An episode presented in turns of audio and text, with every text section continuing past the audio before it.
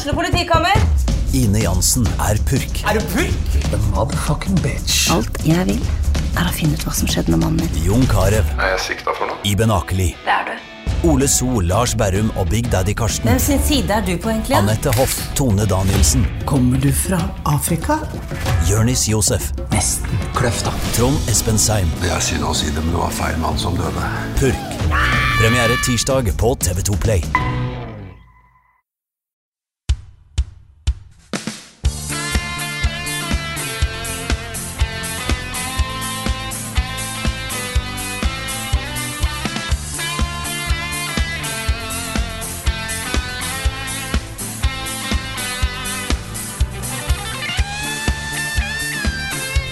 Og da vil jeg ønske deg velkommen til en ny episode av podkasten Level Backup. Her vi er veldig opptatt av å ivareta Zack Snyders kunstneriske integritet.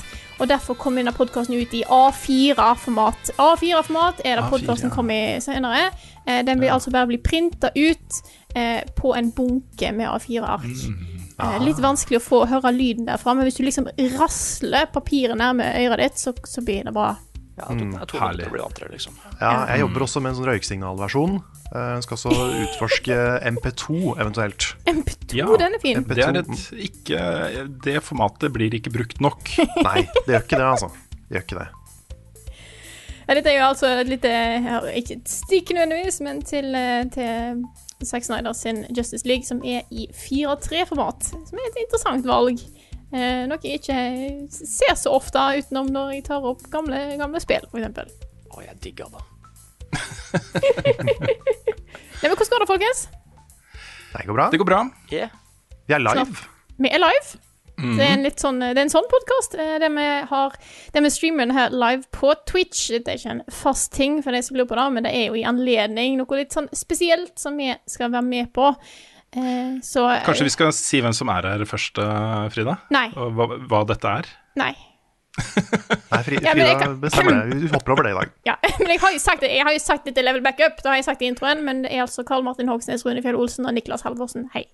Og Frida Vamo. Og meg. Det Ja. jeg. Yes. Sånn er det når vi har Ja, live på. det Det er er for sånn. mange ting å huske på.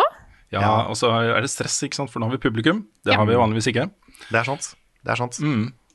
Men eh, du, du nevnte jo at det skjer ting i dag, Frida. Og det er jo, eh, dette er jo sponsa innhold. Vi s- er betalt for å være med på dette her, så alle er klar over det. Men det er, jo, det er jo veldig kule greier. Det er jo Komplett som kjører påskeland. Det starter nå om for oss da, to timer, under to timer. Klokka tolv da, torsdag til midnatt eh, natt til søndag kjører de et eh, heldigitalt virtuelt påskeland. Og det vil være da eh, tolv timer med livestream på Twitch-kanalen til Komplett fra tolv til tolv hver dag, eh, pluss da en Discord-server som er åpen hele tiden. Og Der inne på den Discord-serveren har vi et rom, hvor vi også skal streame ting direkte inn i den kanalen. Og det blir litt morsomt, vi har snakka om det før, det å streame på Discord. Vi sitter jo og streamer for hverandre noen ganger, når vi skal liksom eh, vise fram ting eller et eller annet. Eh, Her har vi muligheten til å skape et lite sånn intimt rom, da, hvor vi kan liksom ha litt god kontakt med de som er innom, innom kanalen og sånne ting. Ja, så det, er, det er litt som å se for deg at du er på TG, og så er det et lite, en liten sånn boks som er level up-boksen. Og så kan du gå inn i level up-boksen, og der sitter vi og streamer. Nettopp! Og det er, det er liksom, jeg liker ideen. Det er liksom det at du har litt sånne virtuelle eh, LAN-rom, da. Ja. Så hvis du vil, så kan du henge med oss på Komplett i LAN, eller du kan henge med på et annet rom. Der har vi jo eh, masse planer. Vi har liksom ikke spikra alle tider og sånt ennå, men det skal vi poste da, der hvor vi, har, eh, hvor vi poster ting. På Discord, eh, på eh, Facebook, på Patron, kanskje på Instagram. Eh, litt sånn tider eh, for når vi, når vi skal streame og hva vi skal streame. Men det kommer da til å være litt med jevne mellomrom eh, gjennom døgnet. Eh, da torsdag, fredag, lørdag blir det greier der. Ikke hele tida, men sånn eh, innslag. Nettopp. Og i tillegg da, så skal Dette er jo for seint til de som hører på podkasten på fredag, men uh, da på åpningsdagen nå klokka uh, ett, så er det Nei, etter, ja. ja. mhm. ja, så er det Valheim, Valheim-stream. Og der skal jo flere av oss også være med. Det skal Og vi. den går så på det- komplett sin egen stream. Stemmer. Jeg, jeg lurer på om vi skal hoste den streamen hos oss. Vi har jo ikke tenkt oss å streame noe mens den pågår. Det er sant. Bare, uh, og i tillegg da på lørdag så er det kåring av Norges kuleste spillerom, som vi har litt erfaring med. Og der skal Carl og jeg være dommere. Det er ikke vi som lager det denne gangen, men vi kårer det. Så det blir kjempestas. Jeg vil jo også nevne da, at øh, fra øh, Det er vel fra 1. april, husker ikke helt, skal vi se. Det er fra 31. mars til 3. april så har også The Gathering en øh, online stream. som er jo da en erstatning av det faktiske fysiske LAN i Vikingskipet, som jo ikke blir noe av i år heller. Eh, og Der skal vi også innom. Vi har nå spikra at vi skal delta i frokostshowet deres skjærtorsdag. Ja. Så eh, sannsynligvis snakker vi om klokka ti, da. Klokka ti til elleve. Så dukker vi opp der for koseprat og påskekos. Så, så det også gleder vi oss eh, veldig til. Det blir bra, også. Det blir en bra start på påsken, dette her.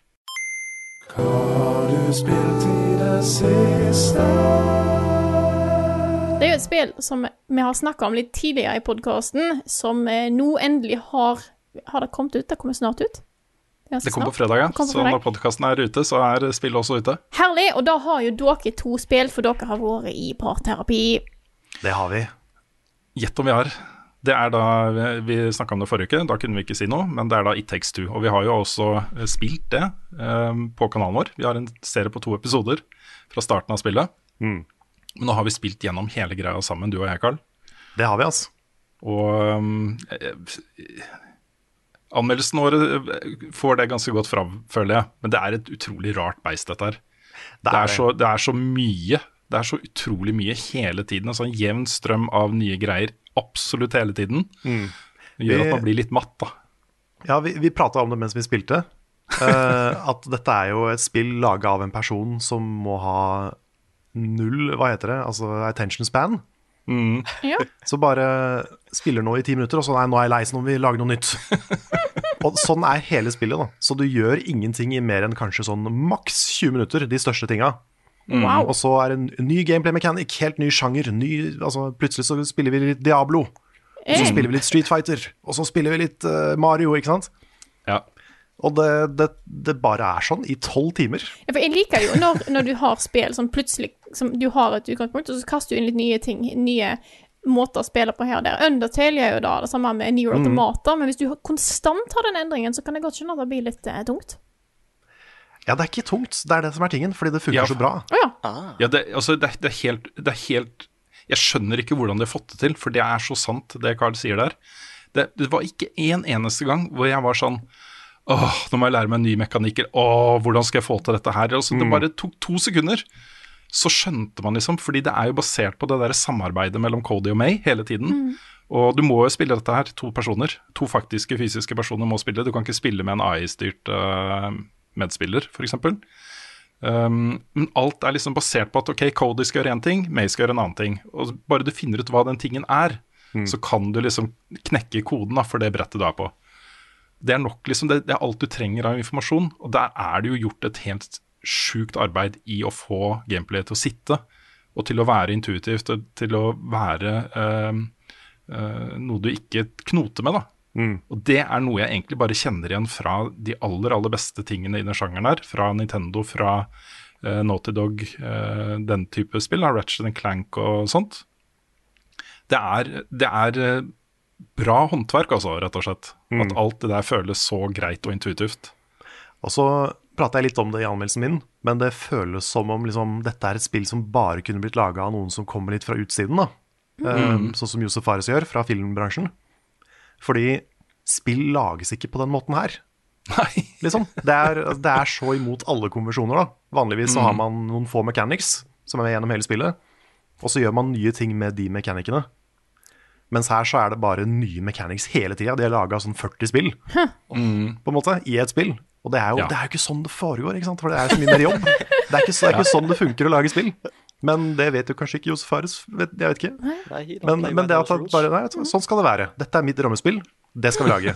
Og det er litt kult å se, da. At det, liksom, det er et helt annet perspektiv på det å lage spill. Ja. Ja, for det hørtes ut som dere på en måte var litt i starten litt, eh, Jeg har ikke fått sett eller lest anmeldelsene deres ennå, eh, men det hørtes i starten som at dere var litt eh, Jeg syns det var litt slitsomt med alle disse nye spillmekanikerne, men hvis det funker bra, så er jo det bare knall. Ja, Ja, det er ikke det slitsomt i det hele tatt.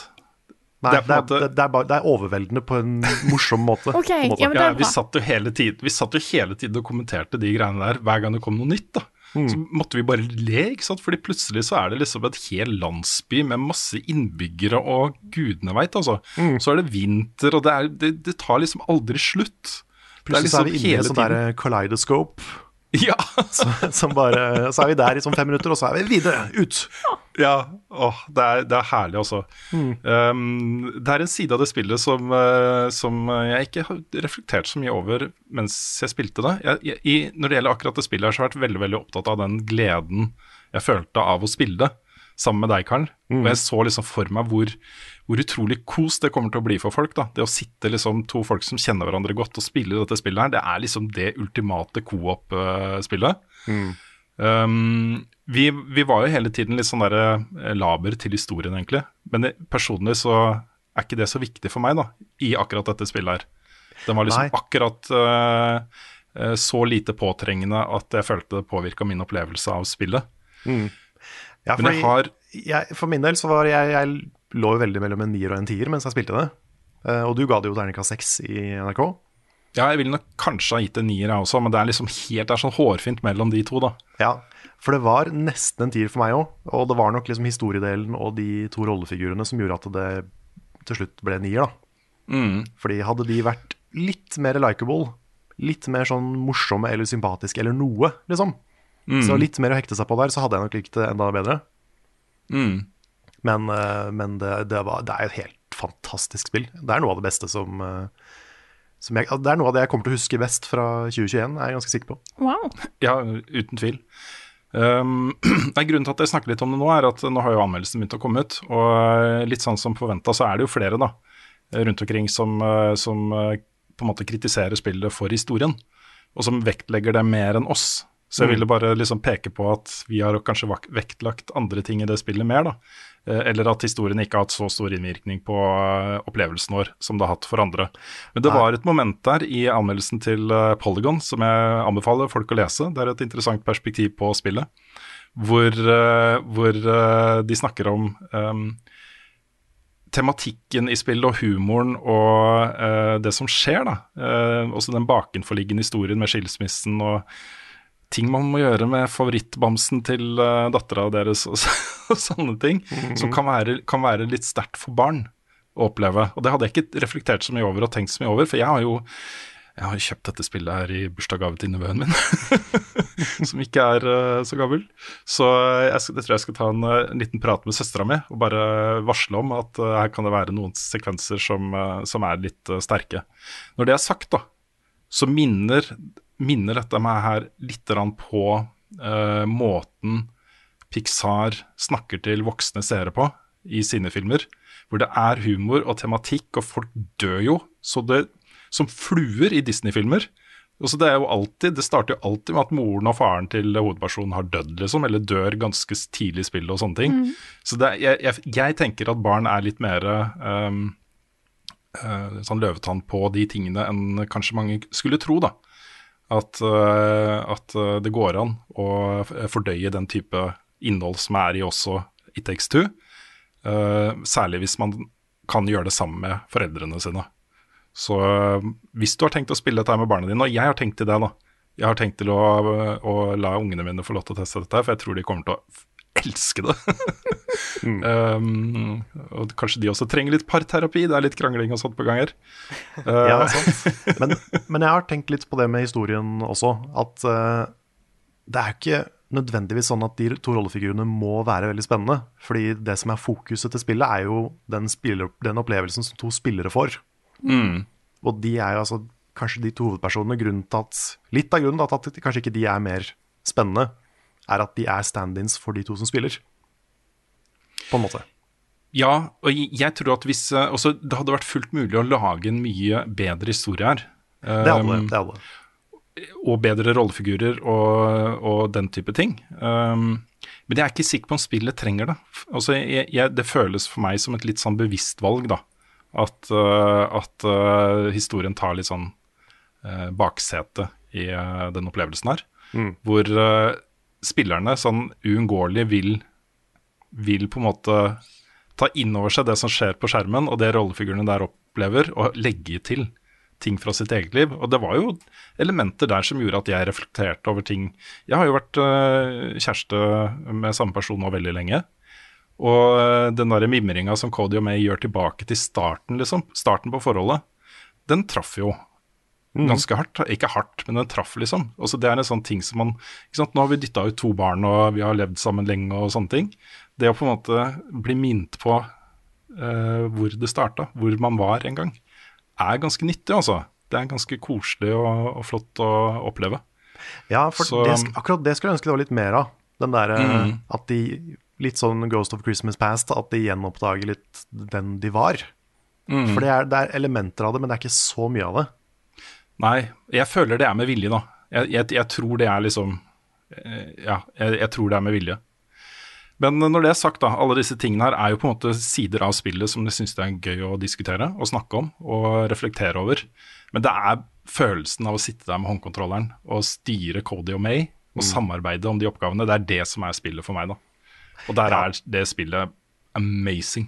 Fantastisk. Jeg er helt enig. Og så er det et poeng det Ole Kri skriver i chatten her. Hvis to random spillanmeldere spiller det, så får de sikkert litt dårligere opplevelse enn to venner som Rune og Carl. Og det er viktig å spille det med noen du kjenner. Ja, det er kjempeviktig. Ikke, ikke spill det med en random person, spill det med noen du har et forhold til, liksom. Mm. For da blir det Det er det det er skapt for. Ja. Nei, det der eh, gleder jeg meg til å se andre oppleve. Det, er, det kommer til å komme mange gode historier fra folk som har spilt dette her sammen, og hvordan de har opplevd det. Det er jeg helt sikker på. Og jeg er også helt sikker på at noen kommer til, og hvis ingen gjør det, så må vi få noen til å gjøre det. Noen kommer til å bruke det spillet her som faktisk parterapi, og se hvordan det funker. Også som en sånn eh, research-ting, da. Sette et par med litt uh, problemer til å spille det sammen, og så se hvordan det påvirker forholdet deres. Det hadde vært så utrolig kult å se.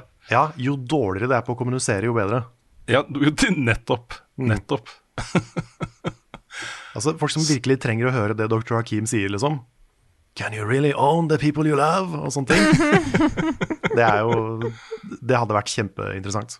Mm. Og så har jeg veldig lyst til å se dere streame det en gang, Nick og Frida, hvis dere har- får, får ånd over dere. Ah, Ja, det hadde vært kjempekult. men Kanskje da da? liksom da, da må vi ha problemer med hverandre først, ikke sant? Ja. Ja, det er sant. Det er sant.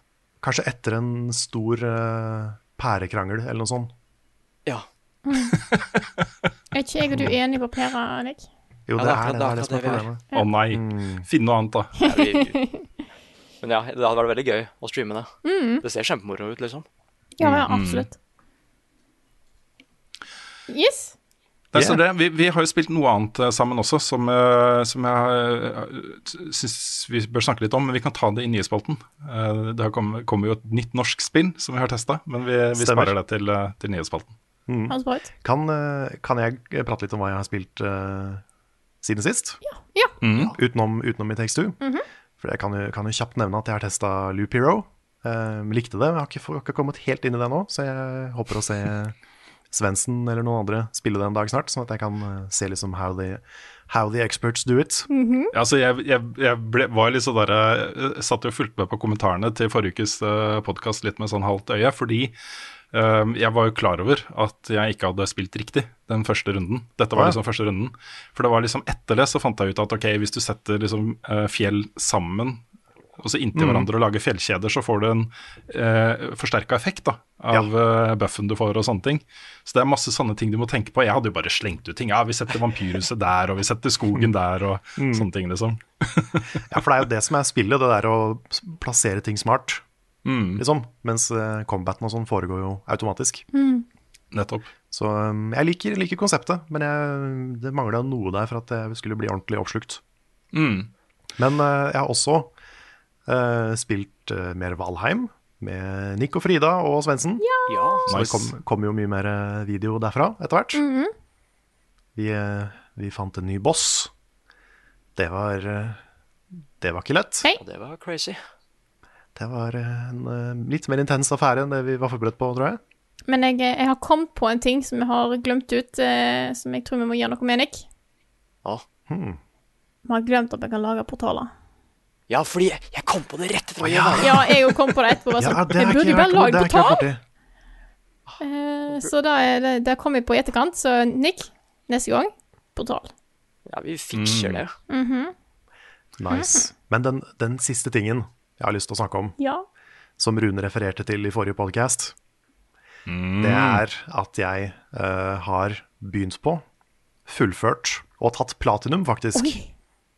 i God of War 2018 på Give Me God of War. Shit. Ah, det var den derre You Manly Man-tingene. Ja, ja det, det var, vet du hva, det var uh, I starten så koste jeg meg ikke i det hele tatt. det er de første Første par området er- timene, det var ikke gøy. Det var, sånn, det var ubalansert, liksom. Ja. Da vurderte jeg bare å gi meg, for dette her, har jeg, dette her får jeg ikke noe ut av. Spesielt den der første ravina nede i hvor du detter ned. Oh, den er bad, også. Den er bad, ass! Det er jo det verste i hele spillet. Ja.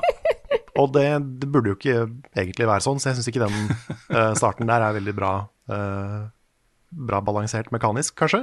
Ja, men jeg er litt uenig, da, fordi jeg tenker at uh, her har de, det har de gjort litt med vilje for å liksom skille Clinton fra hveten. Kommer du deg gjennom dette her, så, så blir liksom resten en mer behagelig opplevelse. Ja, det er sant. Det, det er sant. Og det, og det gjør jo det. Det blir jo, hvis du tar deg tid til å liksom samle gear og komme høyere opp i, i level, da, så, så blir det jo mye lettere. Sånn slutten på spillet er jo nesten som å spille det på normal. Det er helt sant, altså. Fordi du får en del abilities hvor du kan fryse fiender, og du kan liksom kontrollere kampene mye mer, da. Um, og være litt mer sånn taktisk. I starten så har du jo ingen abilities i det hele tatt, og dårlig gear, mot fiender som leveler opp hvis ikke du tar de fort nok. Ja, for det er jo en, en mechanic som du blir veldig bevisst på. Ja. Eh, en fiende er vanskelig, og så gjør de et eller annet, og så Å ja, du gikk opp en level. Ja. Og da slår de enda hardere og tåler enda mer.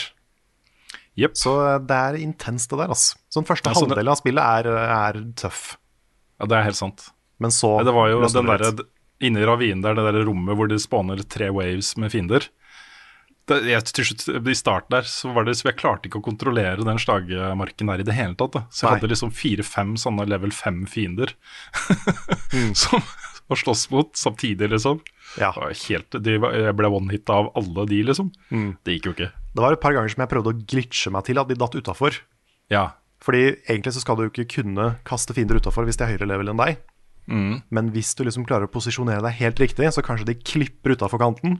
ja. og sånne ting. da Så jeg, jeg prøvde virkelig alt for å mm. få til noe av det der. Men jeg hadde jo ikke en plan om å 100% det. For jeg tenkte at jeg var stuck i så mange timer på Sigrun, den eh, vanskeligste fighten i spillet, eh, på, nor på normal back in the day. Og så tok jeg liksom en Valkyrie, og så tenkte jeg ok, det var vanskelig, men det gikk jo. Og så tok jeg en Valkyrie til, og så en Valkyrie til, og så var det plutselig bare Sigrun igjen. Og tre timer seinere så hadde jeg fader meg tatt Sigrun òg. Ja, det, det er litt sjukt. Fordi nå har jeg brukt dette her som en sånn flex eh, siden jeg tok det spillet på Give Me God of War. Mm. Det, har, det har vært litt kult da, å være den eneste redaksjonen som har gjort det. Ja. Og kunne liksom Hei, hei, hei, har dere ikke, ikke sant? Men jeg har jo ikke tatt Sigrun på Give Me God of War. Nei. Men dette, er, liksom men dette er det du får. Fordi husker du at eh, jeg sa at jeg hadde begynt på God of War sammen med kjæresten? Og så sa, jeg, så, eh, sa du 'Å, så kult', på Give Me God of War? Eller så sa jeg nei, på normal. Pyse, sa du da. Så eh, da måtte jeg bare begynne på Give Me God of War, og here we are. Ja, ja. Ja, sånn, sånn er det. Vi har litt sånn eh, også, Vi er gode venner og sånt, Karl, men vi har litt uh, konkurranseinstinkt, altså. Vi har det. Ja, i hvert fall um, en av oss mer enn andre, kanskje.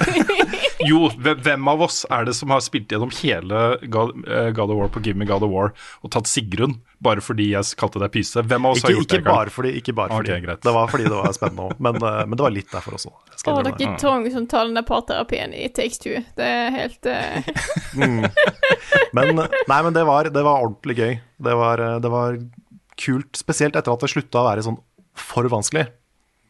Da var det gøy. Og da, da fikk du en helt annen Helt annen forståelse av kampsystemet, egentlig. Ja, man gjør det. Mm. Og det å gå tilbake til normal da, og spille, fortsette å spille med kjæresten, det var jo veldig digg. Mm. Bare sånn å, psh, psh, psh, Alt alt dør på to slag. Ja, Så- jeg har jo spilt det spillet så mange Jeg har runda det fem-seks ganger eller noe sånt. Uh, og jeg merka når den kom nå, da, på PlayStation 5 med bedre uh, framerate og oppløsning, så, så begynte jeg på nytt. Og valgte også da Give Me God of War for å se hvordan det satt, liksom. Jeg drev jo og parrya og, og herja liksom, med de startfiendene, for det sitter så i fingrene.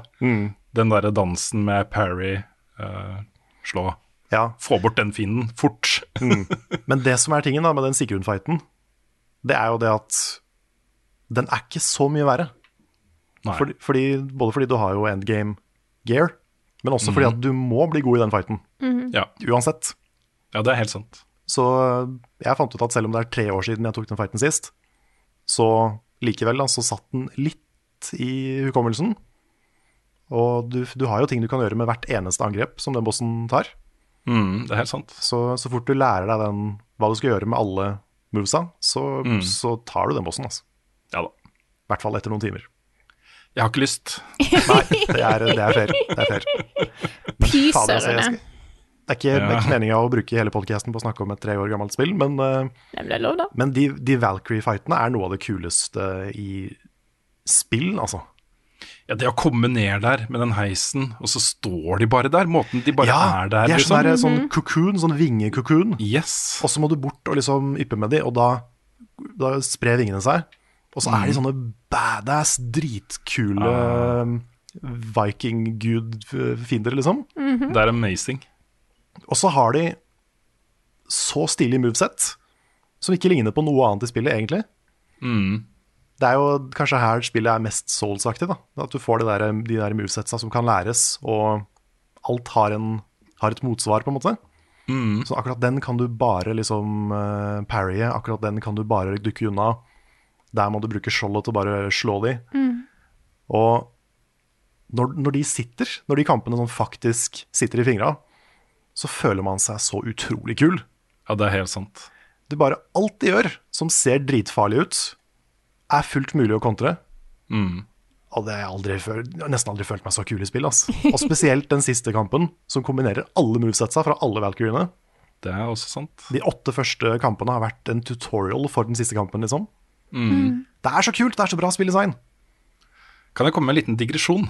Ja. Fordi jeg fikk litt den opplevelsen eh, da jeg tok platinum i Assassin's Creed Valhalla. Ah, ja. Hvor, eh, hvor du, når du er da det ene uh, hemmelige stedet Jeg, jeg sier ikke hva det er, jeg tilfeller folk ikke har kommet dit ennå.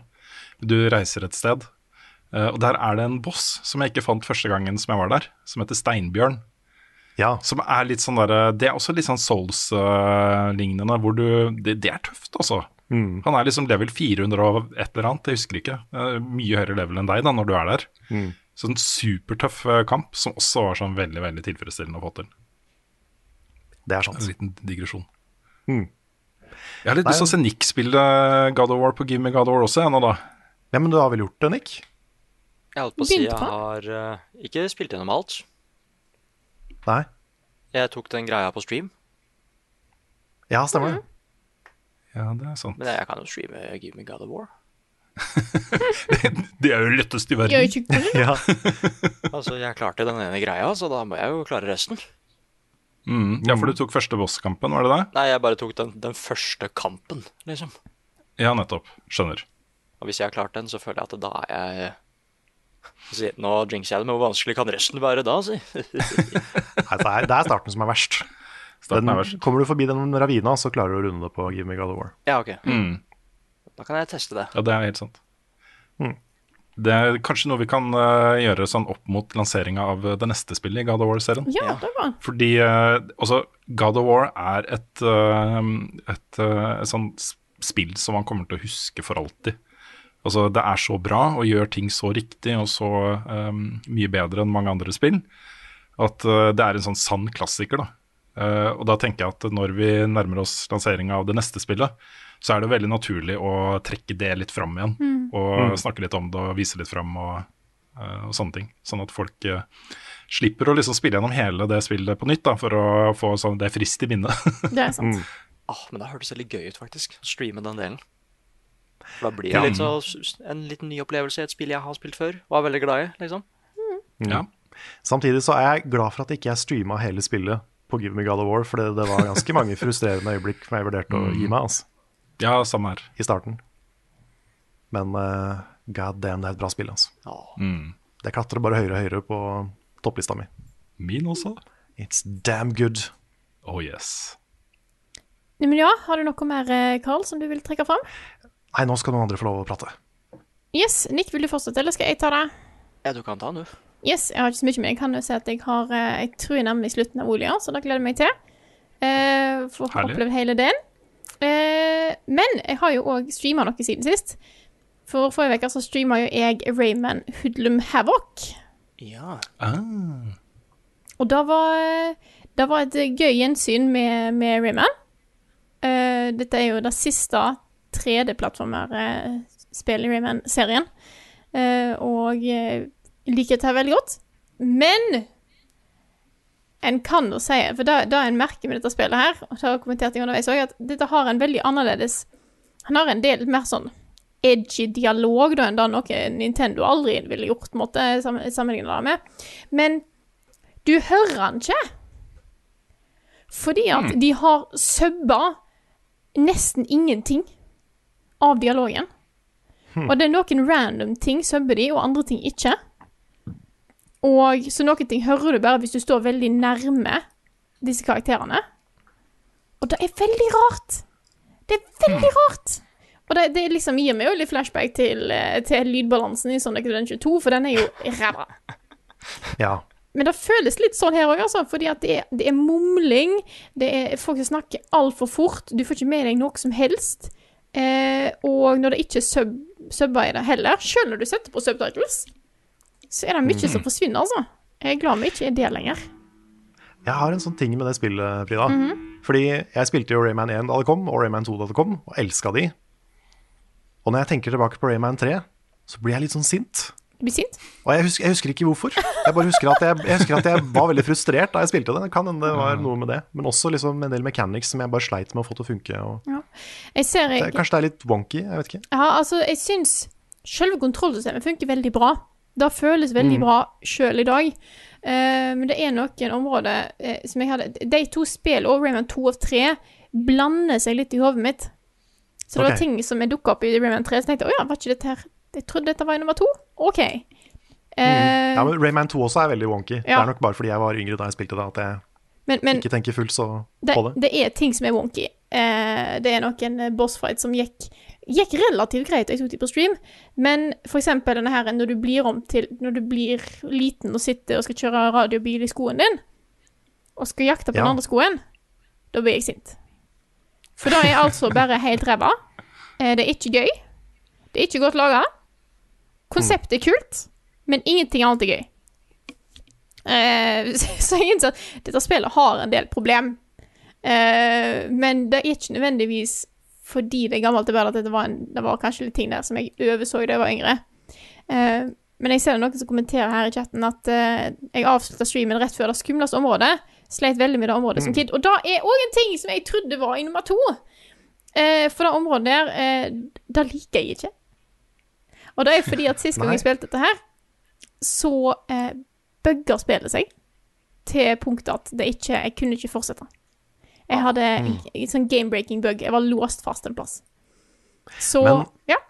Gleder meg til det. Rayman 2 også har et dritskummelt område. Det der med de der enøya-tinga som hopper rundt og prøver å spise deg opp og sånn. Ja. Uh, spesielt den der lange sklia hvor du liksom har sånne der tenner bak deg som, som ja, er følger deg og, og sånn. Ja. Da, det var, da jeg var liten og spilte det, det var litt sånn litt bad. Mm. Men, men jeg syns Rayman 2 har en veldig det er en sår sekvens der du er i den der swampen, og så er det en sånn der eh, sjømonster-type ting, som helt klart Rayman kjenner godt. Eh, eller har vært med meg, men han er bare sånn Ja, jeg eh, håp, håper du kommer tilbake og besøker meg snart, Rayman. Det hadde vært fint. Og jeg bare sånn Kan ikke jeg bare bli her resten av spillet? Men er ikke det også Rayman 2? Jo, det er det jeg sier at det er Rayman 2. Å ja, det er Rayman 2. Ja, Ja. ja. Så Rayman 2 har en del på en måte, Han har en litt sånn Jeg syns Rayman 2 er litt Postapokalyptisk. Jeg skulle til å si hyggeligere i tone, for Rayman 3 er så sjukt edgy med han her eh, hoodlummen som du har med deg, han der lille klumpen, som bare er oh. sint og forbanna og kommer med edgy lines hele tida. Så Rayman 2 har et, en koseligere stemning enn Rayman 3. Det er sant. Men Rayman 2 er overraskende dark. Ja.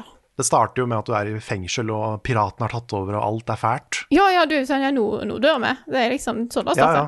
Alle er liksom utsulta og tynne, og det er bare skikkelig, skikkelig ille. Ja. Det er noe rare spill det der. Men eh, gi meg en Rayman 4, og det, det er jo det jeg vil ha. Så eh, Ja, De lagde jo det en gang, eller skulle lage det en gang, og så ble det Raving Rabbits isteden. Ja. Ja, nei, men ja. Eh, men jeg, jeg generelt koser jeg meg, fordi at det er godt laga, musikken er kul. Eh, det er veldig mye stilige animasjoner. Eksempel hvis du blir trampa på, så blir Rayman bare en sånn liten sånn klump som, som går rundt. Flat klump. Som jeg ikke skjønner hvordan funker, fordi at armene hans og beina hans henger jo ikke fast til kroppen. Så i teorien så kunne ikke han blitt squisha ned, for han bare kunne bare flytta på armer og bein. Men utenom sånne litt sånn logiske feil, så, så syns jeg egentlig det er bra. Og de diskoområdene eh, der en der en må være kjapp på å flytte seg og, og jobbe nedover et sånn kaleidoskop av en forferdelig rar plass. Jeg elsker de. Og disse legene som skal prøve å få ut hoodlumen fra Glowbox. Ja, for det hadde jeg helt glemt. De er så kule! Åh, jeg har ikke så sansen for. Så, så det er veldig mange bra ting her, da. Selv om, eh, selv om det helt klart merkes at spillet begynner å bli noen år gamle. Eh, og at dialogen er litt sånn edgy, sånn som det var litt på den tida. Du skulle være litt kul. Det Ja, skulle være litt Shadow the Hedgehog. ja, sant. Eh, så da Da, eh, da merkes litt, da. Den perioden der er ganske interessant, altså, fordi eh, sånn på starten av 2000-tallet så hadde på en måte den PlayStation-effekten eh, slått, eh, slått ut i full blomst. Det at eh, spill plutselig appellerte til en annen type spiller, og ting skulle være litt mer sånn mer action og mer voldelig og mer voksent og mer sånn man kjente fra andre medier. da. Eh, og så fikk du GTA 3, Grand Theft Auto 3, som satte i gang en litt sånn bølge av, av eh, hva skal man si, sånn iver etter å følge opp den suksessen og tilby lignende type spillopplevelser og være litt mer edge og være litt mer øh, øh, voksen, jeg vet ikke om det er riktig ordet, men øh, litt mer sånn eh, noe annet da enn Nintendo liksom, og Sonic og sånne ting. Um, det jeg husker best fra den perioden, fordi mange serier gjorde jo det. De lagde jo liksom varianter som var litt mer edgy, og som skulle liksom appellere til den type spillere også. Mens Nintendo liksom står på scenen da i eh, Los Angeles på etere og sier bare 'Mario kommer aldri til å skyte horer'. Jeg husker det så godt, fordi Oi, det var sånn Ja, det var en av sjefene for eh, Nintendo i USA som sa det, da. Um, og det, det, det hørtes ut som en sånn derre eh, Ikke at Mario kom til å skyte horer, men det hørtes ut som en sånn derre ja, Selvfølgelig kommer, kommer Nintendo til å endre seg, de må jo det, for nå er jo spillmediet er noe annet nå enn det var for ti år siden. Ting har utvikla seg, folk vil ha litt mer edgy og eh, voksne ting, liksom. Selvfølgelig kommer Nintendo også til å måtte forandre seg etter hvert, men de har ikke gjort det, vet du. Nei. Det er helt fint, da. De har ikke gjort det, de har bare holdt på den siden, eh, siden de starta. Og det er, det er noe ganske sånn rent og, og flott med det. da. At de har liksom hatt en veldig veldig tydelig filosofi på hva slags spill de skal levere, og holdt seg til det. Det er sant. Det er, eh, det er sant. Jeg føler jo litt at 2000-tallet, fram til kanskje sånn 2014-15 i hvert fall, det var liksom spillpuberteten. Ja. Mm, jeg tror du har litt rett i det. altså. Spillet var kanskje ikke så voksne, men de var veldig pubertalske og veldig sånn edgy og skulle prøve å være voksne. Mens kanskje de siste åra så har det blitt litt mer faktisk voksent. Og da teller jeg også liksom mange Nintendo-spill som voksne på den måten. da. At Ja. de er for alle, men de, er, eh, de prøver ikke å appellere til liksom Til the edgy teens, Mm, liksom. De er for alle, og de funker fint som det de er. det er akkurat det. Og så har du sånne Last of Us og sånn som faktisk er voksne historier. Ja. Uten, å, uten å prøve liksom litt sånn krampaktig å, å være for the older kids. Absolutt. Oh, nei, jeg har tenkt å fortsette på Rayman. Kanskje til og med fortsette på en stream, bare for å liksom finish it. Eh, Nice. Det. Så kanskje vi får få med deg eh, Du kunne jo ikke sist gang, Karl, så Nei. Nei, det jeg blir veldig gjerne med på neste. høres bra ut. Men da var Det var meg for i dag, i hvert fall. Nick, vær så god. Ja, jeg har eh, Jeg spilte jo Valheim med dere. Men uh, utenom det så har jeg egentlig bare spilt et spill. Et annet spill, liksom. Og det er dette, in dette indiespillet Everhood. Ja. Ah, uh, Riktig. og det er Vi har å gjøre med en skikkelig hidden gem her, altså. Oi, vi har det, ja. Fordi det er eh, Jeg så at det var folk som sammenligna det med annet Undertale. Eh, veldig likt det liksom på stilen og humoren og bare den retro-stilen. Men det er kanskje litt viktig at du har spilt Undertale før du spiller det òg. Fordi spillet okay. er veldig aware på starten at det er likt Undertale. Og idet du tror at det kanskje er litt for mye etterligning av det, så skjer det noe. Det skjer noe i det spillet. Eh, det der da, er at eh, Viktig at jeg ikke spoiler for mye av historien, men det handler om at eh, noen har stjålet armen din. Og du må okay. finne armen din. Finne ut av hvem som har tatt armen din, og hvorfor de tok armen din. Og det er, det er liksom historien. Og spillet er bygd opp til at det er en Det er en Guitar Hero bullet hell. Jeg elsker han allerede. Oi. Ja, det, det der er at eh, jeg får litt Sekiro-vibrade med at jeg gleder meg til hver boss, fordi hver boss er en uh, gitarhero-låt, liksom. Eller en kar med sin egen musikk, sin egen låt. Bare at tonene er det du skal dodge. Der hvor knappene skulle vært i Guitar Hero, det er de stedene hvor du kan gå på dette bålet her. Og da skal du bruke piltastene til å både hoppe over tonene og dodge tonene. Og kanskje noen andre greier senere, altså, I don't know. Men det som er da, er at eh, spillet anbefaler veldig tidlig at du bør spille på hard for å få den, den opplevelsen som the devs har lyst til at du skal få. Og jeg er litt sånn at vanligvis så sier jeg bare at nei, spill på den vanskelighetsgraden du vil. Hvis du vil få med deg historien, liksom. Du gjør det du er mest komfortabel med. Men det er et sånt spill som at hvis du har muligheten til å spille på den, den høye vanskelighetsgraden, så er det en del av historien, det òg, da. Litt sånn som Souls, liksom. Vanskelighetsgraden forteller en viktig del av denne historien. Så de første timene der er dritvanskelige. Fordi musikken er dritbra, og hvis den er dritbra, så har den mange toner, og hver tone er et angrep, ikke sant? Ja. Og da blir det plutselig Og du tåler bare kanskje sånn to-tre hits. Men du får den derre Hvis noen har spilt Stepmania Du får den effekten der. Med at det til slutt så bare Til slutt så bare beveger fingra seg, og du vet ikke helt hva du gjør, men det ser ut til å funke. At det liksom Jeg ser ikke lenger på karakteren min, jeg ser bare på hvor angrepene dukker opp. ikke sant? Akkurat som en annen bullet hell. Du havner i en sånn sone. Og det er veldig få spill som får meg til å havne i den sonen. Og derfor ble jeg så fort glad i det, med at det var så vanskelig på starten. Men du blir så fort dritgod i det.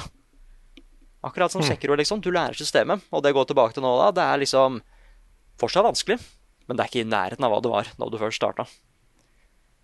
Uh, og igjen, ja, hvor, hvor uh, mindre du vet om historien, hvor bedre er det. Det er virkelig en sånn ordentlig konkurrent til det Undertale startas. Det har liksom stemningen. Og det, det har hjertet, så klart. Men det at de også har bygd opp til at hvis du har spilt Undertale, så tror jeg du kanskje kommer til å like historien mer. Fordi det er mange steder hvor jeg bare Dette her er nesten litt for likt Undertale. Uh, og så fort, spill, så fort du tror det, så kommer spillet bare Ja, det trodde du, ja. Og dette skal jeg sette rett på påskelista mi, altså. Ja, det her skal jeg spille i påsken, helt klart. Jeg ble helt bambusold av hvor bra det var. Kommer det noe eh, video eller noe sånt på det, Nick? Jeg er ikke helt sikker, fordi jeg har tatt opp Jeg, jeg ble så fornøyd med meg selv med noen av bosskampene, så jeg har tatt opp de, fordi de er så vanskelige på starten. Men man ser så god ut når man spiller det. Eh, Så jeg har masse footage. Så det kan godt hende at uh, jeg, jeg er liksom ikke helt den indie game-eksperten. Men hvis ingen, skal ha noe, hvis ingen skal lage noe om det, så kan jeg nok lage noe om det. Men jeg kan godt se Jeg, jeg tenker at- Nei. Jeg, jeg tenker at hvis det er eh, dritbra, så er det jo verdt det er verdt, en, eh, det er verdt å gjøre noe på det. Ja. For jeg ser for meg at ja, det er flere som er mye mer kvalifiserte til å ta et sånt spill og anmelde det, enn det er. Det er, Nei, nei. nei da, det er Nei, det ikke, det, Nick. det er ikke sant. Ja, that. Nei, det er viktig, viktig å gjør, gjør a damn fine anmelder. Nei, men Det er jo litt eh, viktig eh, i det vi holder på med, at man, eh, man gjør ting på spill man er entusiastiske for, ikke sant? og har mye å si om og har lyst til å gjøre noe på. Så, så det, det ikke føle på at du tar et spill fra noen hvis du gjør noe sånt. Nei, nei, nei. Nei, det gjør du ikke. Det gjør du ikke. Nei, men så vil jeg se en anmeldelse fra noen andre òg. Det, det, Ja, det, er, det er ulempen med å anmelde spill, at du får ikke se en anmeldelse fra de andre. ja, det, er- det er liksom, det er jeg, jeg er så spent på hva for, andre folk syns om det. Og jeg har også klart musikken i det spillet.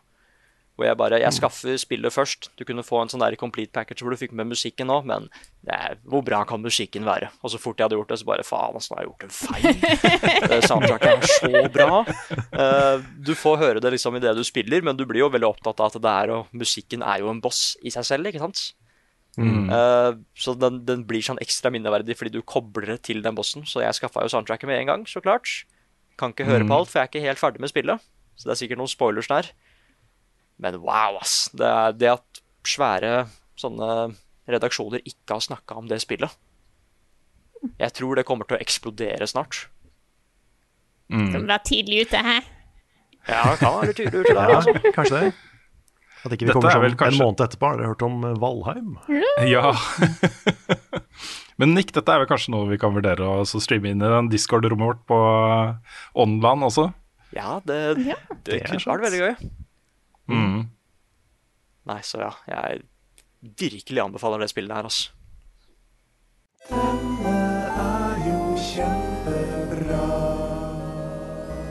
Ukens anbefaling. Nå var det så mange som skulle ha anbefaling at jeg egentlig datt litt ut. Var det du, du Karl, som skulle ha første anbefalingen? Det var meg. Det var meg. Kjør på. Skal jeg bare kjøre på? Dette er da en Netflix-serie, en miniserie, på jeg tror det er tre episoder, som heter Middleditch and Schwartz. Som da er et, eh, et humorshow. Et eh, improvisert humorshow av da eh, Jeg tror han heter Thomas Middleditch, det er han som har hovedrollen i Ja. i, i, i Silicon Valley. Silicon Valley. Ja.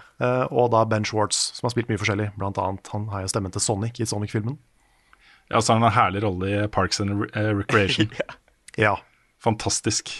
Så dette er da et 100% improvisert show. De starter showet med å stille litt spørsmål til noen i salen. Og så bygger de et eh, sånn 45 minutters type show, da, basert på de svara de får der.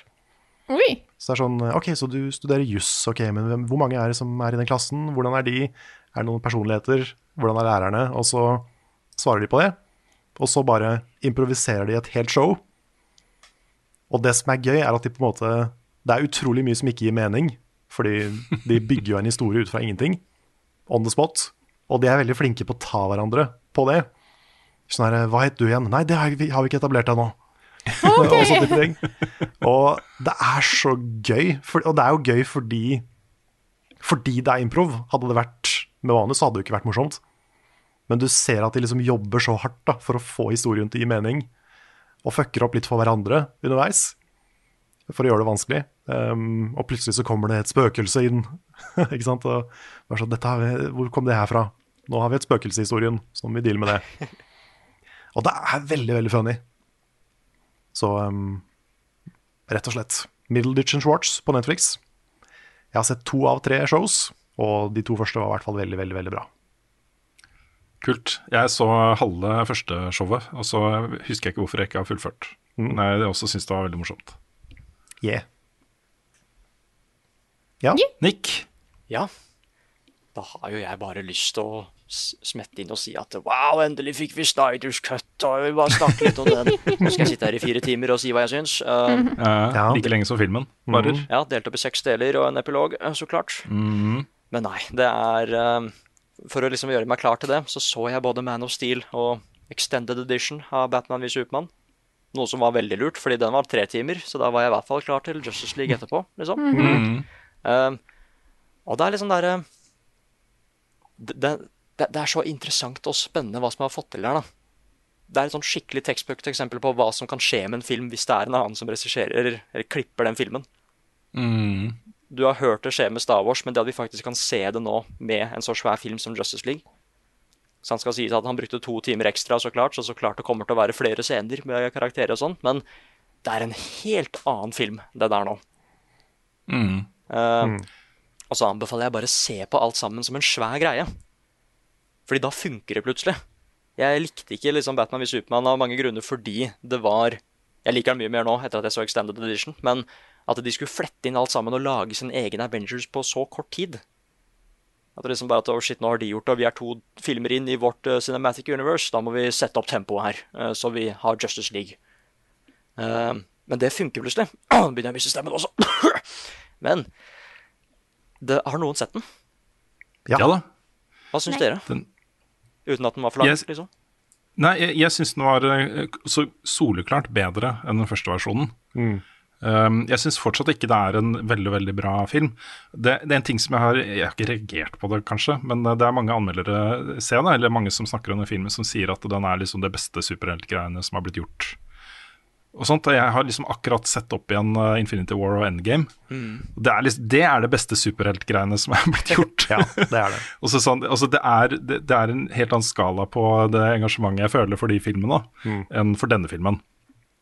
Når det er sagt, da, så, så det jeg satte pris på med eh, Snyder Cut, var altså, I den filmen så er det på en måte en del sånne nesten sånne malerier eller sånne enkeltscener som er frama på en spesiell måte og liksom uh, forteller på en måte en sånn mikrohistorie. Mm. Uh, som er veldig sånn vakkert. da, Utrolig flott å se på. Og veldig sånn uh, um, ja, Når de kommer så jevnlig som de gjør, så, så holder jeg interessen oppe hele tiden. Ja. For de scenene satte jeg veldig veldig stor pris på.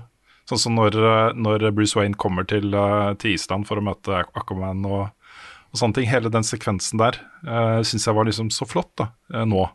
Så godt frama og så godt uh, klippa og alt det der musikken og uh, lys og alt liksom var bare så flott å se på. Uh, Så det var det jeg satte mest pris på. Og så hang jo historien mye bedre sammen òg. Så jeg syns det var en, en god seeropplevelse, men jeg syns ikke det er det beste jeg har sett av superheltgreier. Det syns jeg ikke. Nei. Jeg er ikke helt der. Nei, jeg også syns uh, Zack Snyder-versjonen av Justice League er det beste som har kommet fra det universet, utenom Wonder Woman-filmen. Nå har jeg ikke sett Aqu- Aquaman-filmen, så det vet jeg ikke. Men, um, men jeg likte ikke Batman v Superman. Det er en av de verste filmene jeg har sett noen gang. Den syns jeg bare var uh, crap. Sånn skikkelig crap. Uh, jeg likte ikke Man of Steel så veldig godt. Jeg syns den var OK. Men jeg har en del problemer med Zack Snyder sin Supermann. Jeg syns liksom den derre du må være mørk og edgy for å være spennende-greia. Den er jeg sånn filosofisk imot. Det sånn, du, kan, du kan skrive sympatiske, snille karakterer som også er spennende. Og det har ikke Zack Snyder skjønt, virker det som. Jo, men du har jo eh, Wonder Woman, da. Ja, men hun, hun er jo ikke så Altså, hun er bra i sin film, men det er ikke så Mm. mye til Det er ikke så mye i Wonder Woman i filmene til Nei, kanskje ikke. Zack Snyder. Det er liksom Det er de som er mørke og edgy, som snakker, liksom. Og det er sånne ting som jeg bare øh. Men, jeg ehm, jeg syns filmen ja. er så fin, fordi det er eh, det, det er liksom at de har putta disse svære superhelte, superheltene fra tegneserien i en realistisk setting, føler jeg. da. I hvert fall med Supermann, at folk blir jo redde for hva han kan. Og Ja, og den, og den delen er, liksom, er kul å utforske. Og da liker jeg denne godt med at eh, ja, han, han blir litt moody, fordi så klart han blir det. Alle sammen. Det er et svær del av verden som ikke liker han. Og det at han da fortsatt velger å være Supermann, det syns jeg er mye mer spennende. da. Og det er den der greia med at eh, han har liksom ikke blitt uh, posterboy comic Supermann ennå. Han må gjennom disse fasene først. Og når du da også har en realistisk setting ved siden av det, så Jeg vet ikke, ass. Jeg, jeg, jeg syns det er så spennende. Og det var det største problemet jeg hadde med Justice League, er fordi det ikke passa inn i den holdt på å si, den stemningen som Batman v Supermann og Marion Steele hadde bygd opp. da. Det var for likt Marvel, liksom. Og jeg liker at de har prøvd å gjøre sin egen greie der. Mm. Ja, for, for der er jeg også. Jeg, synes, jeg har ikke noe imot at de skal være mørke, liksom. At de skal være sånn gritty Watchmen-type eh, superhelter. Men problemet mitt er det at Supermann er Batman. Han er liksom Også i den nye filmen så det, det blir liksom implisert at han er en dårlig dag unna å bli en ond diktator. Og det er ikke Supermann. Nei, men det er realistisk sett så er det det. Nei, men det er ikke det. Det går an å Jeg, jeg syns ikke det. Jeg syns ikke det å være bad guy er realistisk. Jeg synes det, det er minst like realistisk at han får lov å være en good guy. Ja, Men du skjønner jo hvorfor han blir bad guy. Fall Ja, men det, er ikke, men det er ikke bra nok. Ikke bra nok, men da Nei, det er ikke, det er ikke bra nok. Hva? Jeg Må er, vi se også, det her jeg, sammen jeg, er på, jeg, er på, jeg er på Team Nick på den også. Ja, jeg, fordi alt skal alle være så mørke og gritty og fæle. Kan ikke noen være snill? Ja, men selv om du har et positivt sånn symbol som Supermann, og som skal ha en dårlig dag, så betyr jo ikke det automatisk at det bare skal være gritty Carl. Nei, men, men han er jo god. Det er så Ole Kri Ja, sier. han at er Han, er- god. han er gjennomsyra god. Kan ikke han få lov å være det? Ja, men i en crappy verden så er det ikke så lett å være god. Det er det Nei, som er Nei, så men, men det, er nettopp derfor, det er nettopp derfor det er viktig at han er det. Det er derfor det er viktig. Ja, men han velger jo fortsatt å være Superman, Carl. Det er det som Ja, er han fett. Han ja, men det. han blir jo slem hele tida. Nei, han blir jo ikke Nei. det. Kom, Alle scenene med Supermann, så ja, kanskje han blir slem nå. Han blir slem nå, og der ble han slem. Og nå blir han slem igjen, og så ble han slem igjen. Han ble slem, og så ble han slem. Og tenk om, guys, tenk om Supermann blir slem. Åh, jeg klarer ikke å være sint på deg heller, vet for du er så engasjert. Vi skal se Man Ja. of Steel sammen, Carl. Ja, det, Det er så gøy, for jeg har ikke sett noen av disse filmene. Nei, jeg, er så, jeg er så lei av Zack Snyder Supermann. Jeg, bare- jeg syns han kan kastes i søpla, og så kan det komme til en ny Supermann. Det er det verste jeg har hørt. Han er så flink i den rollen som Supermann. Ja, han er flink, men, eh, men fuck den figuren. Hva? I said it. Fy sjøl. Jeg må, jeg må bare ta en liten avsporing, fordi det blir kommentert av flere i eh, chatten også. Jeg, jeg glemmer jo hver gang vi snakker om superheltfilmer at uh, altså, mine, mine favoritter er jo Christopher Nolans Batman. Ja. Uh, og den trilogien her er jo amazing. Mm. Uh, men også, som blir sagt av, uh, av en ravn i chatten, The Dark Knight eh, graphic novel-serien Mm. har jo på en måte forma mye min lidenskap for Batman og superhelter generelt. Det er jo så dark som det er mulig å få blitt. Hvor også Supermann har en veldig veldig viktig og sentral rolle. eh, Som, eh, hvor han er- får lov til å være god, karen. Ja. Men han har litt andre nyanser også, da, som jeg syns er veldig spennende. I hvert fall den kombinasjonen av Batman og Supermann og det forholdet mellom de to, som Mm. blir utforska ganske grundig i, i den serien, er veldig, veldig bra. Altså. Og den eh, graphic novel-serien er også en tegnefilm som ligger ute på et eller annet Mm. som det er mulig å se. Da, men jeg vil anbefale å lese, lese de bøkene. Jeg ser forresten det blir kommentert at jeg bare blir mer og mer confused. Nei, jeg lener meg tilbake igjen og ser etter popkornet jeg har her. Det er liksom, det er da jeg gjør, Ja. eh, nå. Ja, for, for det jeg etterlyser i en perfekt Supermann-film, det er for eksempel, det er en veldig veldig fin sånn kort uh, comic-historie hvor han snakker noen fra å ta selvmord. Det er en, et aspekt av Supermann som ikke fins i Zack Snyder sine filmer. Han har ikke en eneste sympatisk monolog. Han snakker ikke med folk. Han er en sånn gud oppe i himmelen som alle ser opp på. Han skal være en litt sånn snill everyman. Han skal være det beste menneskeheten kan være. Han skal være et symbol, ikke sant? Et. Jeg syns det er helt urealistisk. Da synes jeg har jeg mye mer sansen for, eh, for Homelander i The Boys Ja, som er- en sånn Supermann-versjon. Det er det noen mener. Men, men, men det, det, må, det er en verdi i å ha snille karakterer Ja da, også. ja. Ja, men han kan ikke starte sånn, Carl. Vi går videre. Neste. Jeg- anbefaling, Ja, jeg kommer med en liten anbefaling også. Nå skal vi ned på landjorda her. Vi skal nærmere bestemt til Atlanta. Fordi um, det er en TV-serie som er lagd av uh, Donald Glover, også kjent som Childish Gambino. uh, som, uh, som jeg har hatt lyst til å se nå i mange år, men den har liksom ikke vært tilgjengelig på noen av de plattformene jeg har. Uh, og så kom jo da på Disney Pluss så kom det en TV-kanal som heter Star. Nå plutselig jeg var sånn Åh, Det er bare sånne drittserier som jeg ikke har lyst til å se. Men der var jo Atlanta der. Og dette er, dette er bra greier også. Jeg har så ekstremt stor respekt for Donald Glover og de, de tingene han gjør. Både som artist og, og TV-skaper. Eh, og skuespiller. Eh, for en, det må jeg bare få sagt, altså. For en kjekk mann. han, han ser så bra ut. han er bare så kul at det er nesten ikke sant engang. Men, men det han gjør her, er jo å eksperimentere litt med eh, TV-serieformatet. Og tar en del grep som jeg syns er veldig morsomme. Og den humoren som er det, det er masse humor, da. Men den er liksom litt sånn eh, off-track. Den er litt sånn eh, Den er ikke sånn typisk humor. Eh, og den er ikke sånn derre 'nå ler jeg meg i hjel'-type humor, som jeg har gjort det et par ganger også. Eh, men dette handler jo da om en, eh, en rapper i Atlanta som er fetteren hans, som heter Paperboy som plutselig begynner å bli sånn mixtapen hans begynner å få litt traction, og folk snakker litt om han, og kanskje han blir den neste store rappstjernen og sånne ting.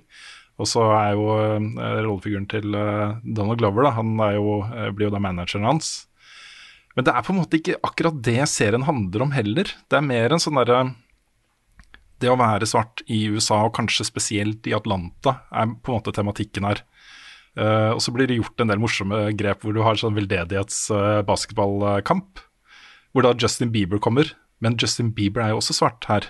Oi! og bare er det, og det blir ikke kommentert, han bare er det. Det er masse sånne ting. da De har en hel episode som er, eh, som er en parodi på, på um, en egen TV-kanal for svarte i USA. eh, Med egne reklamer og vignetter og alt mulig rart. Og særlig den episoden er liksom rent sånn eh, TV-faglig. da Veldig også inspirerende. På samme måte som en del andre av de tingene som jeg har anbefalt. da er Inspirerende for sånne som oss, fordi det er lagd med grep som også vi kan bruke da, i ting vi gjør. Eh, Så veldig sånn eh, spennende å se. Så god serie. Jeg har sett hele første sesong, slukt den. Eh, Det er en sesong til som ligger der som jeg gleder meg også veldig til å se. Så kan jeg kaste inn en siste, for jeg kom på jeg har en anbefaling, jeg òg. Og dette her vil jeg kanskje si at er en, en hverdagsanbefaling. Oi! Mhm. Det er rett og slett fordi at i dag, for en del som hører på, så vil dette kanskje bli litt for seint, men drit i det! I dag, torsdag, er det nemlig den store vaffeldagen. Så jeg Er det det? Ja, ifølge internett så er det det. Og da tenker jeg Har ikke den akkurat vært? Nei, jeg tror han er i dag, altså. Tror han er i dag. Eh, men det, viktige er at drit i når den er, lag deg vaffel. Vaffel er godt. Ta Nyt deg en vaffel når du trenger det. Eh, så hvis det, er, fr- eh, hvis, hvis det viser seg at dagen er, det er i dag, torsdag, men du hører på den på en fredag, eller om tre, uker, I don't care. Lag deg vaffel. Vaffel er bra. Det er godt for sjela. Tenkte det. Bare gi beskjed. Eh, Oppfordring. Eh, ikke at en skal på en måte eh, bruke mat som en måte å, å bli happy, men av og til så tror jeg en trenger en vaffel. Men vafler, vafler er liksom, litt sånn perfect, fordi du kan bruke eh, melkerester fra kjøleskapet. Mm. Alt som har melk i seg. Rømme og eh, kefir og vanlig melk og uh, alt mulig rart, liksom. Bare lage vafler. Så Det er den 25. mars. Jeg har sjekka. ja, Internett det nice. det. Da det. Nice, nice, nice.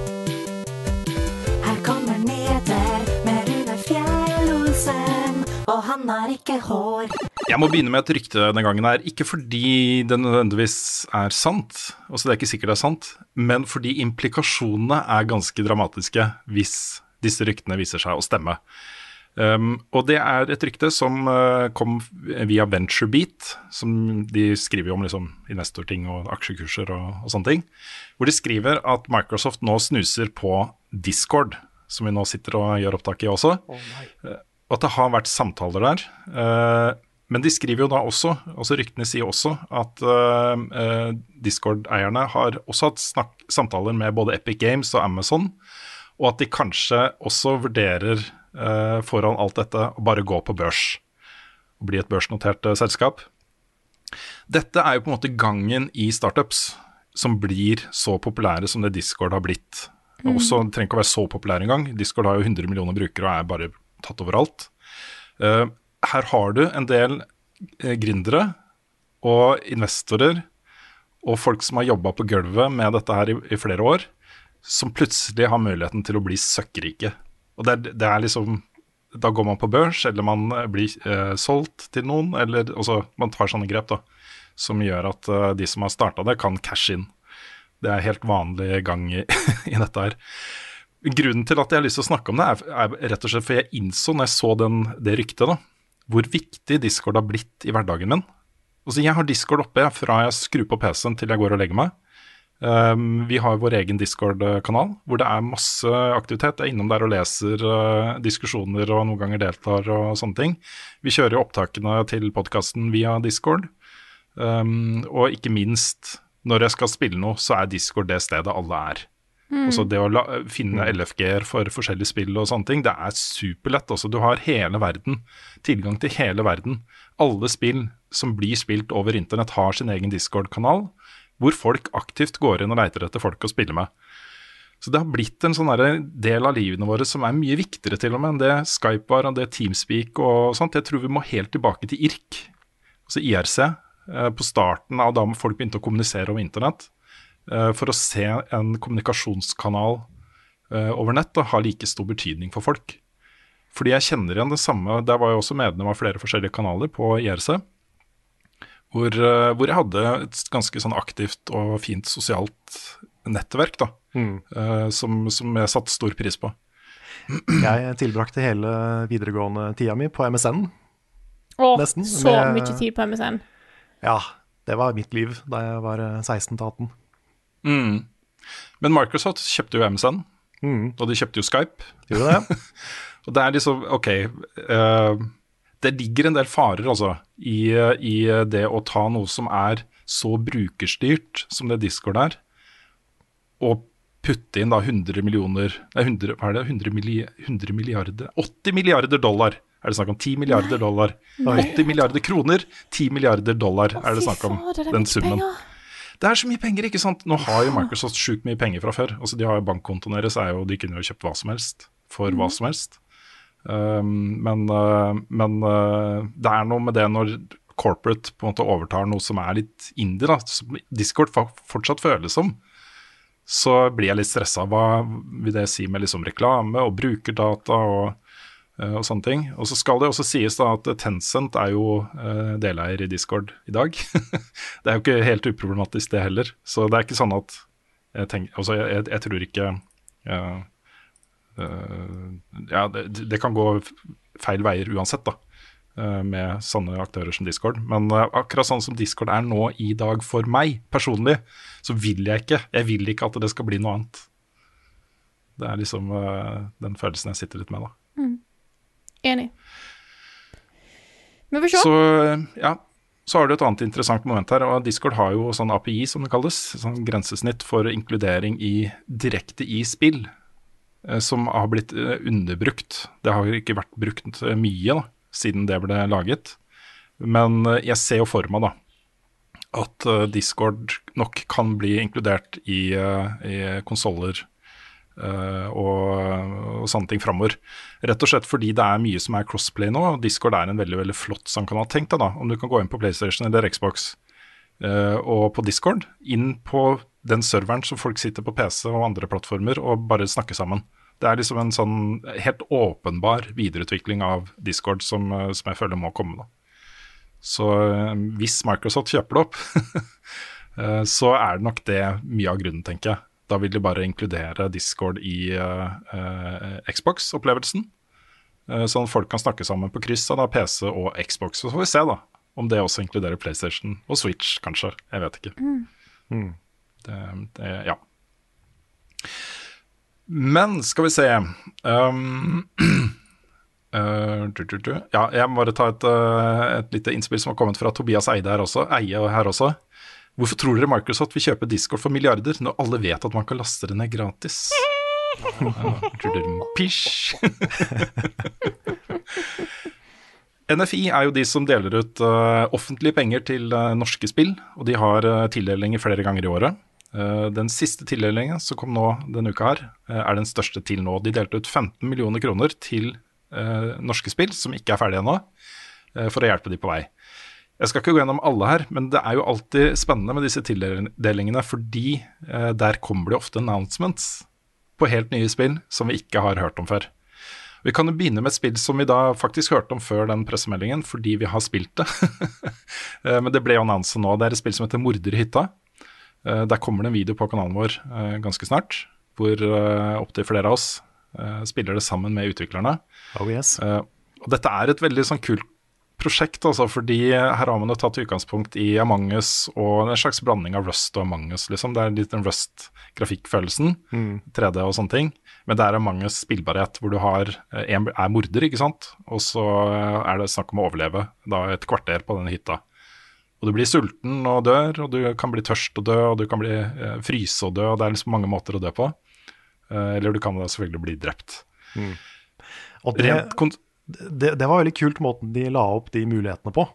Fordi nå ble aldri jeg eh, morderen, men, eh, men det var morsomt å se liksom Du kunne forgifte en blåbærmuffins, og ingen visste at det var du som gjorde det. Mm. Sånn. Sånne ting. Og det er, det er veldig clever. Fordi kanskje noen har gitt noen en muffins, og så må du gi den videre fordi de er sultne. Så tror de at du er morderen. Men Kanskje, Mm. men kanskje ikke du er det. det var sånn, vi var jo på villspor mange ganger på hvem det var.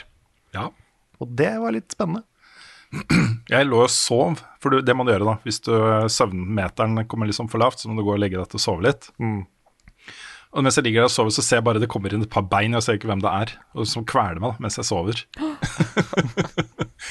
det er, eh, Rent konseptuelt så er dette her noe av det mest øh, Hva skal man si um, Det har veldig stort internasjon- internasjonalt potensial hvis det blir spillbart, også hvis det blir uh, øh, ja, spilles bra nok.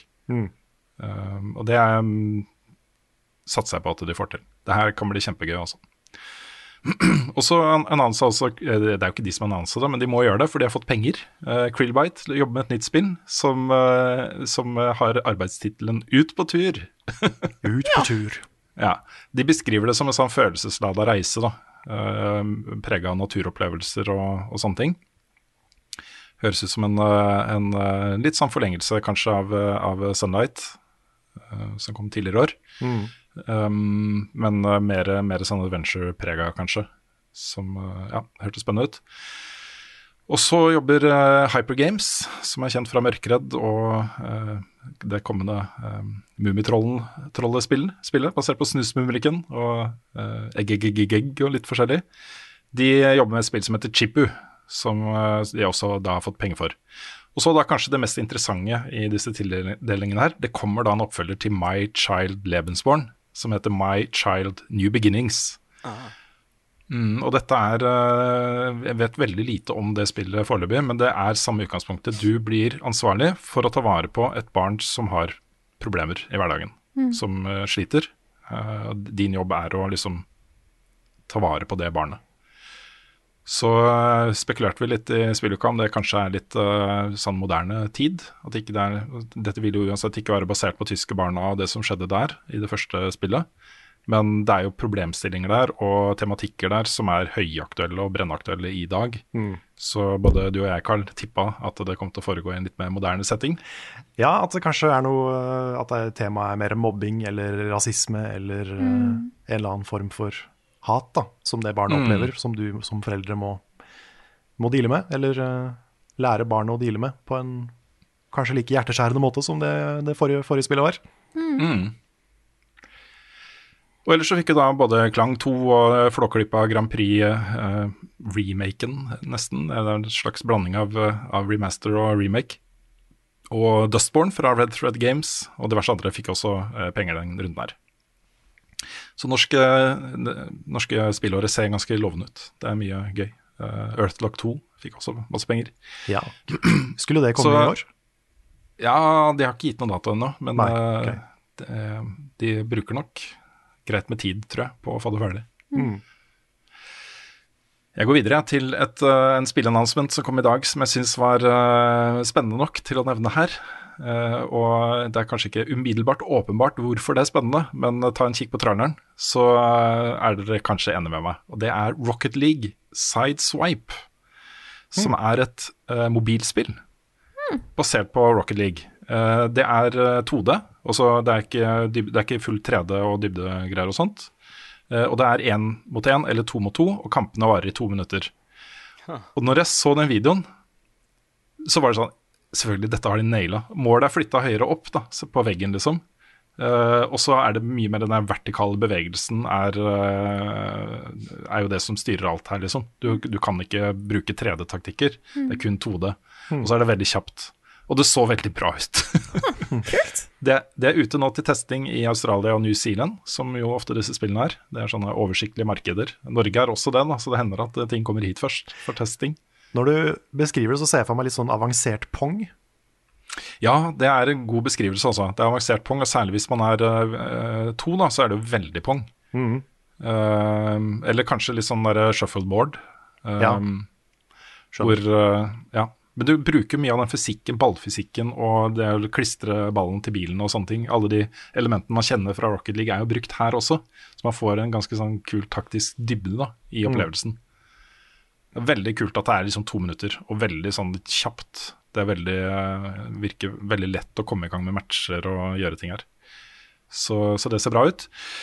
Uh, og så er det også en uh, DLC til Hitman 3-annonsa, og det syns jeg er spennende fordi Hitman 3 er dritbra. og har, bare Folk må oppleve det spillet der, altså.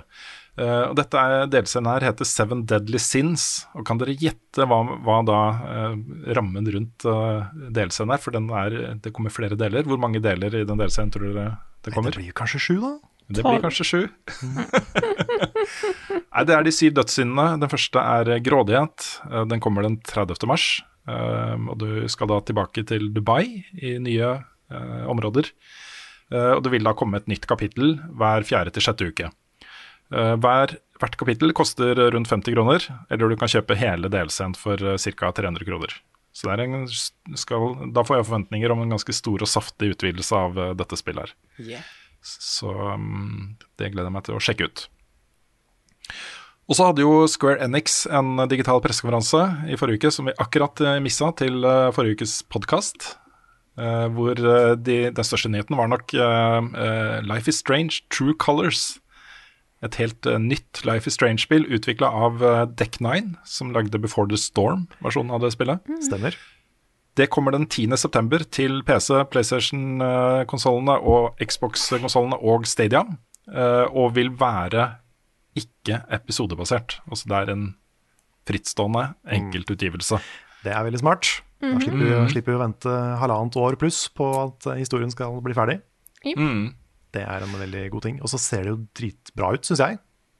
Ja, veldig sånn du, eh, Her kom, ankommer du da hjembyen din. Eh, Det er litt den følelsen, også litt sånn Max og Arcadia. Ja, ja det er litt den viben. Ja, ikke sant? Uh, hvor du møter broren din, og så begynner det å skje ting, og så kommer da kreftene til hovedpersonen frem. Og hun er jo Hennes superkraft er jo empati. Hun uh, kan føle det andre føler. Hun, får, de, hun ser en sånn aura rundt dem. Eh, og så påvirker også det, de følelsene henne veldig sterkt, da. Det er Så, nok eh, den superpoweren jeg har hatt minst lyst på sjøl. Sånn, Mm. Jeg vet ikke om jeg har lyst til å føle andres følelser absolutt hele tida. I hvert fall ikke når de er enda sterkere enn det, det var det sånn det så ut. Mm. At hun blir liksom overvelda av andre menneskers følelser. Da vil jeg heller ha telepati eller uh, time travel, skal jeg innrømme. Men som en gameplay mechanic så kan det hende det er spennende. Mm. Jeg vil ha teleporting. Ja, jeg satt akkurat og tenkte på det samme. Da slipper jeg Ja. å fly. Jeg vil fly. Jeg vil veldig gjerne fly. Jeg- Vet du hva, hvis, hvis jeg hadde hatt eh, fly, jeg, da hadde jeg vært bare redd for å krasje i en måke hele tiden. Og Ja. dør, liksom. Da måtte jeg vært udødelig også. Men dør du hvis du krasjer i en måke? Ja, Hvis du flyr fort nok, så gjør ja, du det. Karl. Ja, men da må du bare fly litt forsiktig, da. Ja, men da er det ikke noe vits å fly. Jo. Det er kjempegøy. Men um, Nei, for det er jo en ganske sånn stor grafisk update uh, satt opp mot de forrige Life is Strange-spillene det her. De har brukt mye mer motion capture, virker det som. Spesielt i ansikter Mm. og sånn, så det, du mister litt den der litt sånn low budget animerte stilen som de andre spillene har hatt litt. Mm. Så um, jeg syns det hjalp veldig. Det er fortsatt den samme litt sånn småkartoon i stilen, men, men animert så mye bedre, da. Mm. Så det er kult å se. Ja, det jeg liker med Life is Strange-spillene, er jo den der litt sånn der eh, detektive oppbyggingen, etterforskningsoppbyggingen. At man eh, må snakke med folk og finne spor og nøste opp et mysterium, på en måte. Det er og de der sidehistoriene som åpner seg opp, og eh, hvordan sammenhengen mellom, mellom forskjellige rollefigurer er, og alt dette her, da, syns jeg er veldig bra i de spillene. Så Mm.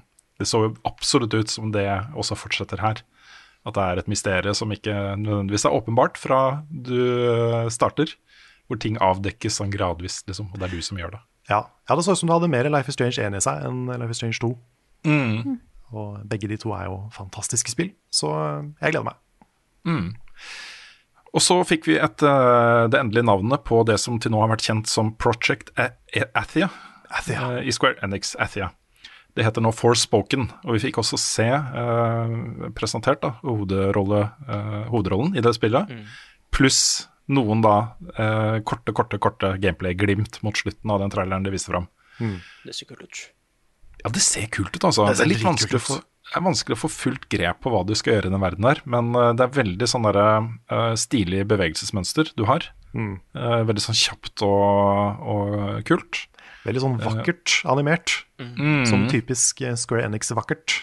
Mm. Det er laga i samme engine som Final Fantasy 15, og det også ser jo kjempepent ut. Mm. Så er jeg litt spent på det spillet her, eh, fordi altså, det kan hende at det mm, ikke slår ut. Men Square Enix sier jo at målet her er å lage en, en helt annen type spilleopplevelse enn folk er vant til. At den er satt sammen av folk som ikke nødvendigvis har eh, masse masse spillerfaring, men erfaring fra andre eh, kunstformer. Um, og målet er liksom å bare tilby noe nytt. Neste, neste visning så er det 'Hello, I'm Joseph Farris'. Ja. I'm uh, the director of Forspoken. Ja, jeg, jeg tror ikke jeg har lyst til å ha han som regissør der. Nei, ikke jeg heller. Det Men, spillet. eh, han er god på sine ting. Ja, han er det. Mm. Nei, jeg er forsiktig optimistisk. Det, det, føles, uh, det føles godt da at man gjør noe nytt. Så um, uh, heier, heier litt på at det blir bra, altså. Jeg har Mm. lyst til at det skal bli bra. Oh yes. Vi fikk selvfølgelig også se massevis av Fine Fantasy-greier. Der kommer det jo en stor update i juni til PlayStation 5 med mer frames og høyere oppløsning og sånne ting. So many frames. So many frames. Mhm. DLC, Battle Royale-spillet har de snakka litt om. Jeg Ja. kanskje ikke gå i detalj på alt, men Nei, den største tingen nå er jo den, eh, den DLC-en, kanskje. Med, Mm. med Yuffie, den uh, hemmelige karakteren som man kan få i originale Final Fantasy 7 litt seinere i spillet. Hun skal ikke inn nå. Nei, dette er jo tidligere i historien enn det hun uh, egentlig dukker opp. Mhm. Så det er en slags, en slags prequel til det vi får se av Yuffie i Final Fantasy 7. jeg syns det er en litt kul måte å, å tenke DLC på. Når du skal på en måte løfte et gammelt spill opp i, fram i lyset igjen, som de har gjort her. da, Mm. Lagd det helt på nytt. så tenk, Hva gjør disse rollefigurene du møter seinere i spillet, liksom tidligere? Hva, hva, hva er på en måte forhistorien deres? Og, Ja. Mm. Men, men det er et annet eh, formål, da, virker det som, med den DLC-en her. Og det er å introdusere ting fra det PlayStation 2 skytespillet Dirge of Cerberus. Som ikke var, ikke var bra, men det hadde jo en historie som er eh, da canon i Final Fantasy 7. Og det har vært i spekulasjoner om kommer de til å dra inn de eh, sidespillene eller ikke.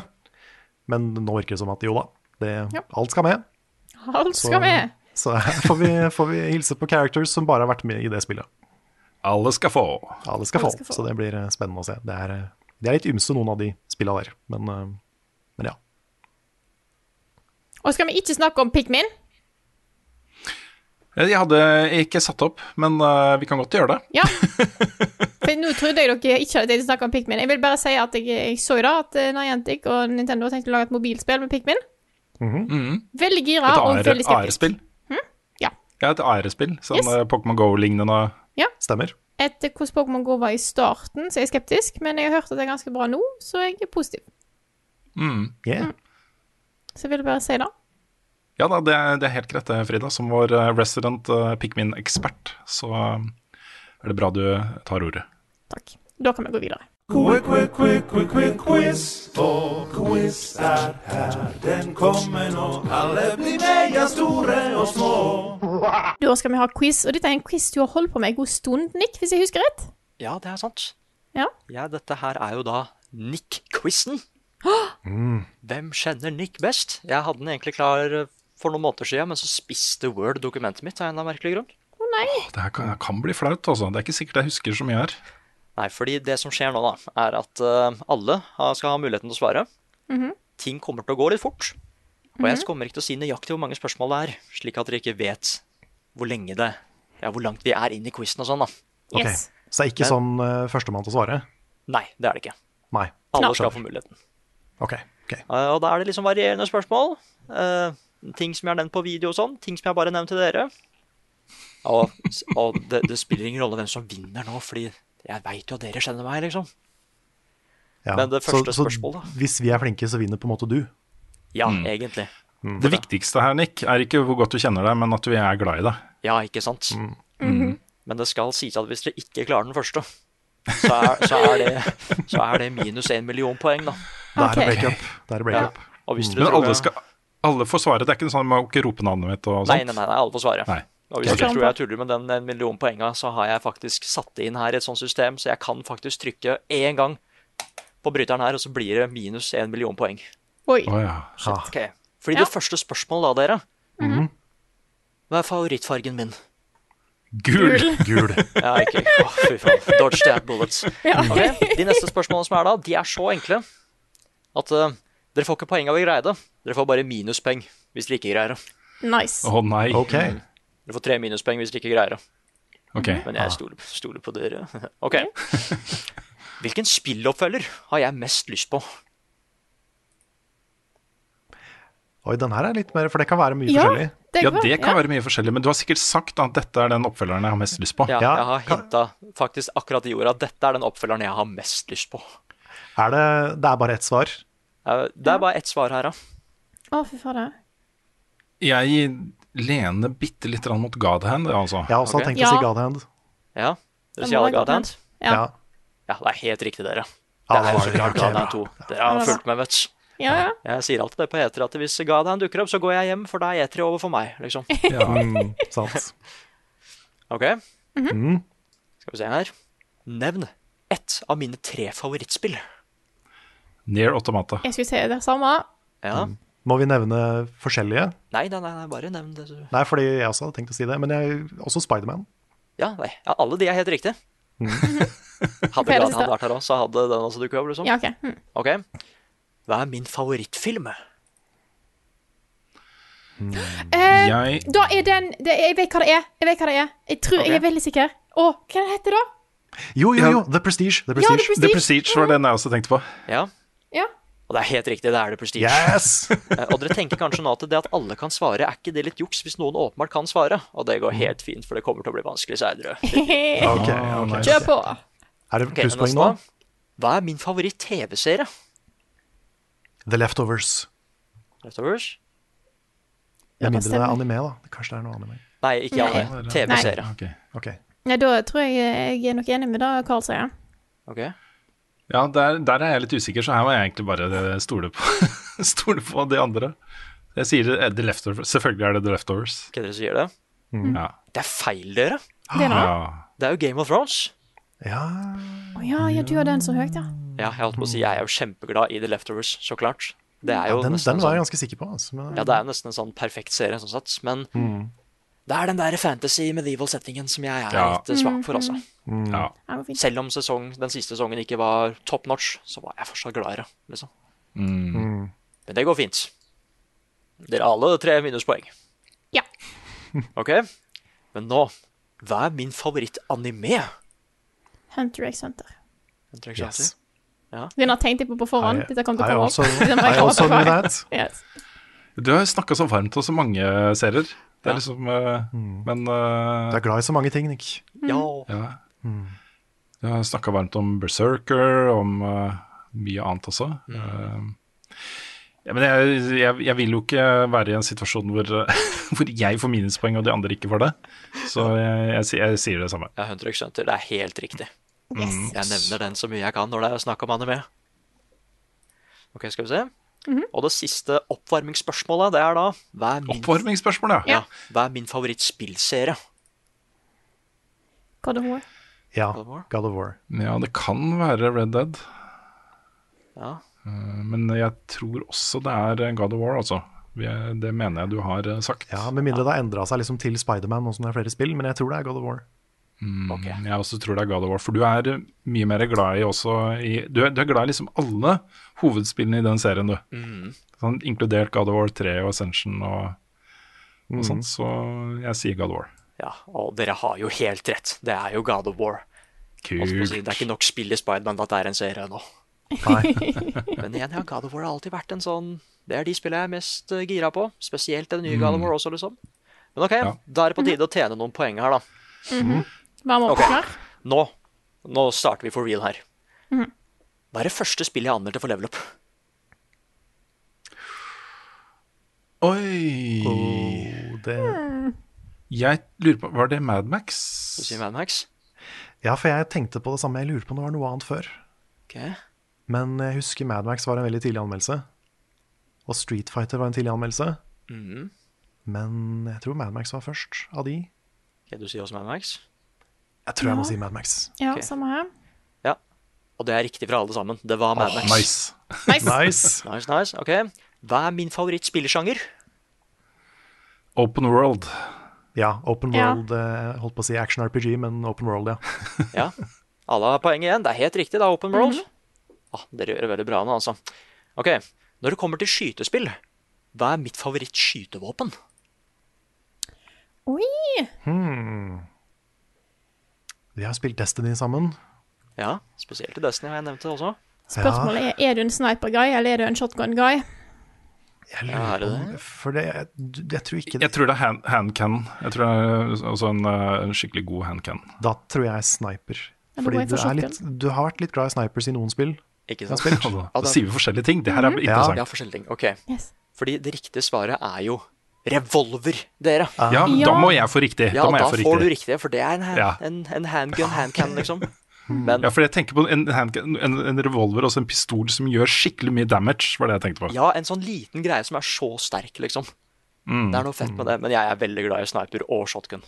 Jeg er det, altså. Jeg har snakka om hvor mye jeg liker de også. Men det er litt, litt mer revolver, rett og slett. Ok. Etter, etter Nick sin mening, hva bør alle gode historier ha? En twist. En twist. Plot twists. Ja, det er helt riktig, dere. Alle sammen får poeng. Ja, Det er ikke en god historie hvis det ikke er en plot twist. Det er bare sånn det er. Derfor er jeg glad i Game of Thrones, blant annet. Det er plot twister som mange steder her. Ok? Ja, Du kommer til Hvis- å elske Danganronpa-Nick. det, Der det er er jo det bare plot twister. Ja. Ok.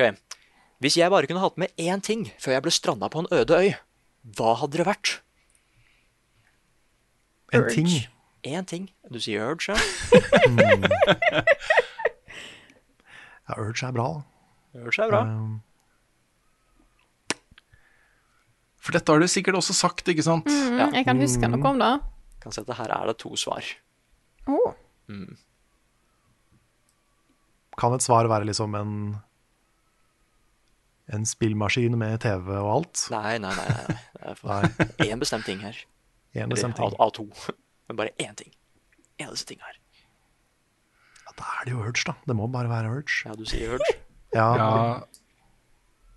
Ja, jeg har, jeg, jeg har lyst til å si liksom sånn håndkle eller noe sånt, ja, men jeg Jeg sier Urge, jeg også. Ja, okay. ja, fordi svarene var jo Urge eller ketchup. OK. Ketchup, ja. En Putte ketsjup på kokosnøttene og sånn. Ja, Ketsjup er mye smartere enn man skulle tro også, fordi ok, du er på Nødøy, det er kanskje mye rare ting du må spise der, men hvis du har ketchup, så kan du spise ganske mye rart, altså. Det er Sand med ketsjup. Og sånn er det med Ja, egentlig. Det, jeg tror du kan bli digg hvis du er flink. Mm. OK, neste. Hva er mitt favorittgodteri, dere? Fersken. Fersken? Ja, ja det, det vet jeg ikke, så da sier jeg fersken, jeg også. Ja, det var helt riktig. Du Det ble veldig jevn, den quizen her. Ja. Men dette er med felles kommer fram til knowledge Ja, om Nick. ikke sant? Det er ikke så Ja. viktig hvem som vinner. OK. Uh, husker dere da jeg viste fram kattungene for første gang? Mm. OK, da blir det poeng til alle sammen. Skal vi se her. Eh, men hvilket stort spill ble lansert samtidig som kattungene? Den samme dagen, liksom? Oh, ja, hva var det? Ja! Var, var det Red Dead Nå Redemption? trodde jeg du skulle si hvilken video var det du viste fram kattungene, for det husker jeg. Ja. Men der er det også Det var hinting til liksom hva det Hvilket spill ble lansert på den samme dagen som kattungene ble lansert? Ja, var ikke det Red Dead Redemption 2? Kanskje Det var, for det var da vi spilte Undertale Ja, på Fyll, Fyll med tull. Men da var det, jo rundt da, så det, jeg eh, kan slenge meg på Red Dead Redemption 2, altså. Okay. Ja, jeg sier det. Ja, hvis ikke det var eh, Det kan jo ha vært Spiderman òg.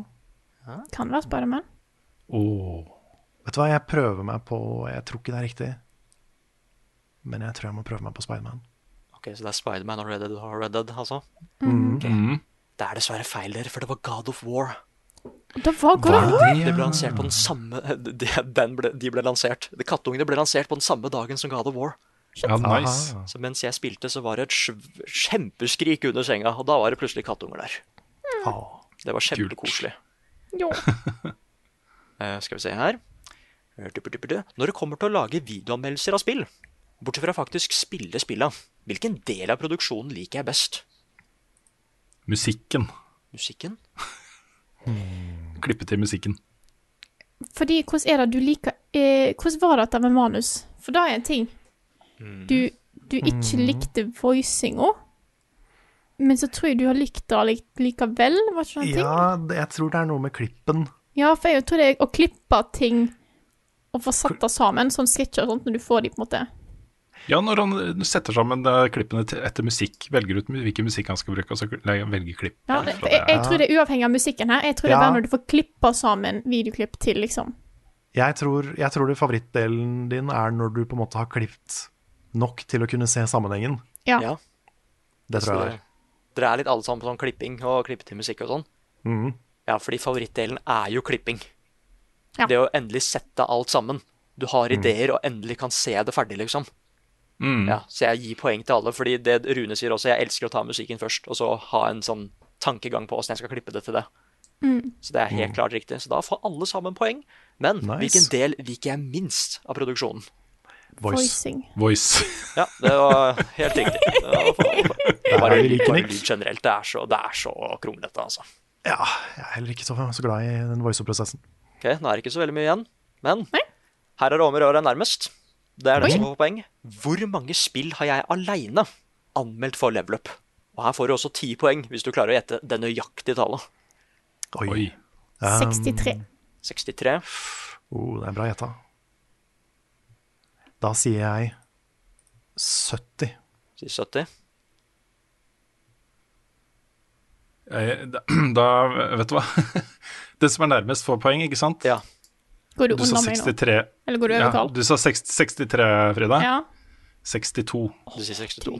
Oh. Ok, Yes. Da kan jeg jo si at Carl er nærmest. Oi, Yes. oi, oi, oi, oi. Og Rune, hvis du hadde tatt ett poeng over Carl, så hadde du faen meg fått ti poeng òg. Var det 71 spill? 71? 71 spill har jeg anmeldt aleine. Wow. Oh my god. Via VGTV. Det er mange spill, eh, Nick. Ja, det er mange spill. Mm. Mm. Men gosh darn it, det var gøy, da. Mm. Hell Ok. Så nå er det spennende med scoren her. Men OK, hvorfor liker ikke jeg Horizon Zero Dawn, dere? Og det har du mange grunner til. Ja.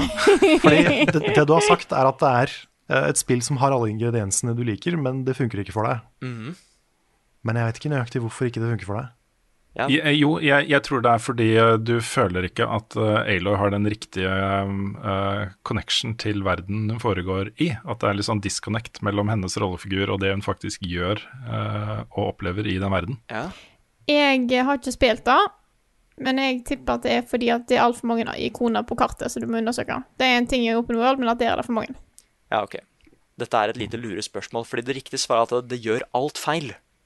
Åh. Eh, Men siden dere da har hørt godt nok etter, og hørt på de tinga jeg ikke har likt, så viser det at dere faktisk har hørt på meg, ikke sant? Ja, Så da får dere alle sammen et poeng hver.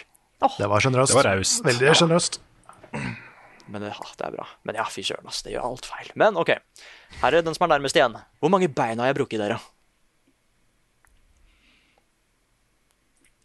Null? Ingen. Du sier null. Du sier ingen. Jeg uh, sier én, jeg. Én. Du Ett bein. OK. Da har Carl og Frida rett. Jeg har ikke brukket noe ennå. Åh, nei. Jeg har bare brista. Ja, Da jeg- Samme som meg, da. Ja, da jeg datt av sykkelen. Men neste spørsmål da. Hva er det som fikk meg til å dette av sykkelen? Det var en katt i veien. Var katt i veien? Eh, en bil. En bil? uh, du prompa. Og du prompa. OK. Det blir dessverre ikke poeng. Men jeg kan jo si at Rune var teknisk sett nærmest fordi jeg lo for hardt.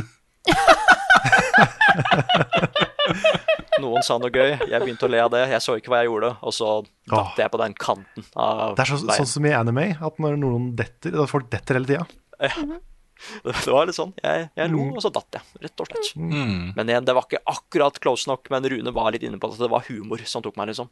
Mm. Ok, nå er det ikke så lenge igjen. Hva var kallenavnet mitt på barneskolen? Ja, det, det, den videoen tror jeg ikke jeg har sett. Jeg tror Jeg har ingen anelse. Nei, det vet jeg ikke. Nei, dette nevner jeg i uh, denne her Warzone Call of Duty-videoen vår. OK. Kallenavnet mitt var Klokka, dere. Ja, det, nå husker jeg det når du sa det. ja. Klokka var det. Den hmm. hadde jeg ikke klart å hente fra, fra minnet, men uh, når du sier det Men da kan du tenke på konteksten, ikke sant? Bare hva var det? Mm. Men OK, vi må være litt raske her. Nevn tre ting jeg er allergisk mot, og så får dere poeng for hvert riktig. Tre ting. Pollen. Pollen. Forferdelig teit pollen. Pollen er forferdelig greie. Okay. Nei da, det er i hvert fall pollen. Så Pollen, Ja. orangutang Ja. Ja! Uh, i, i Orangutang Spania. òg, hadde jeg glemt. Orangutang i Spania. Ja. Um,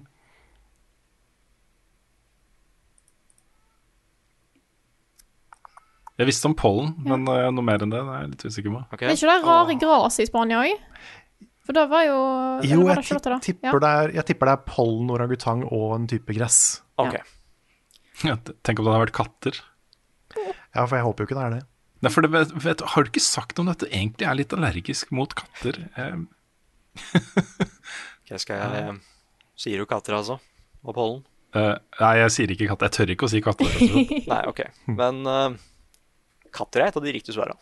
Det er Ja, det. det er det, ja. Jeg Oi, oi. mente det hadde i bakhodet at det var et eller annet Er der. Helt allergisk, og så er det pollen, så klart.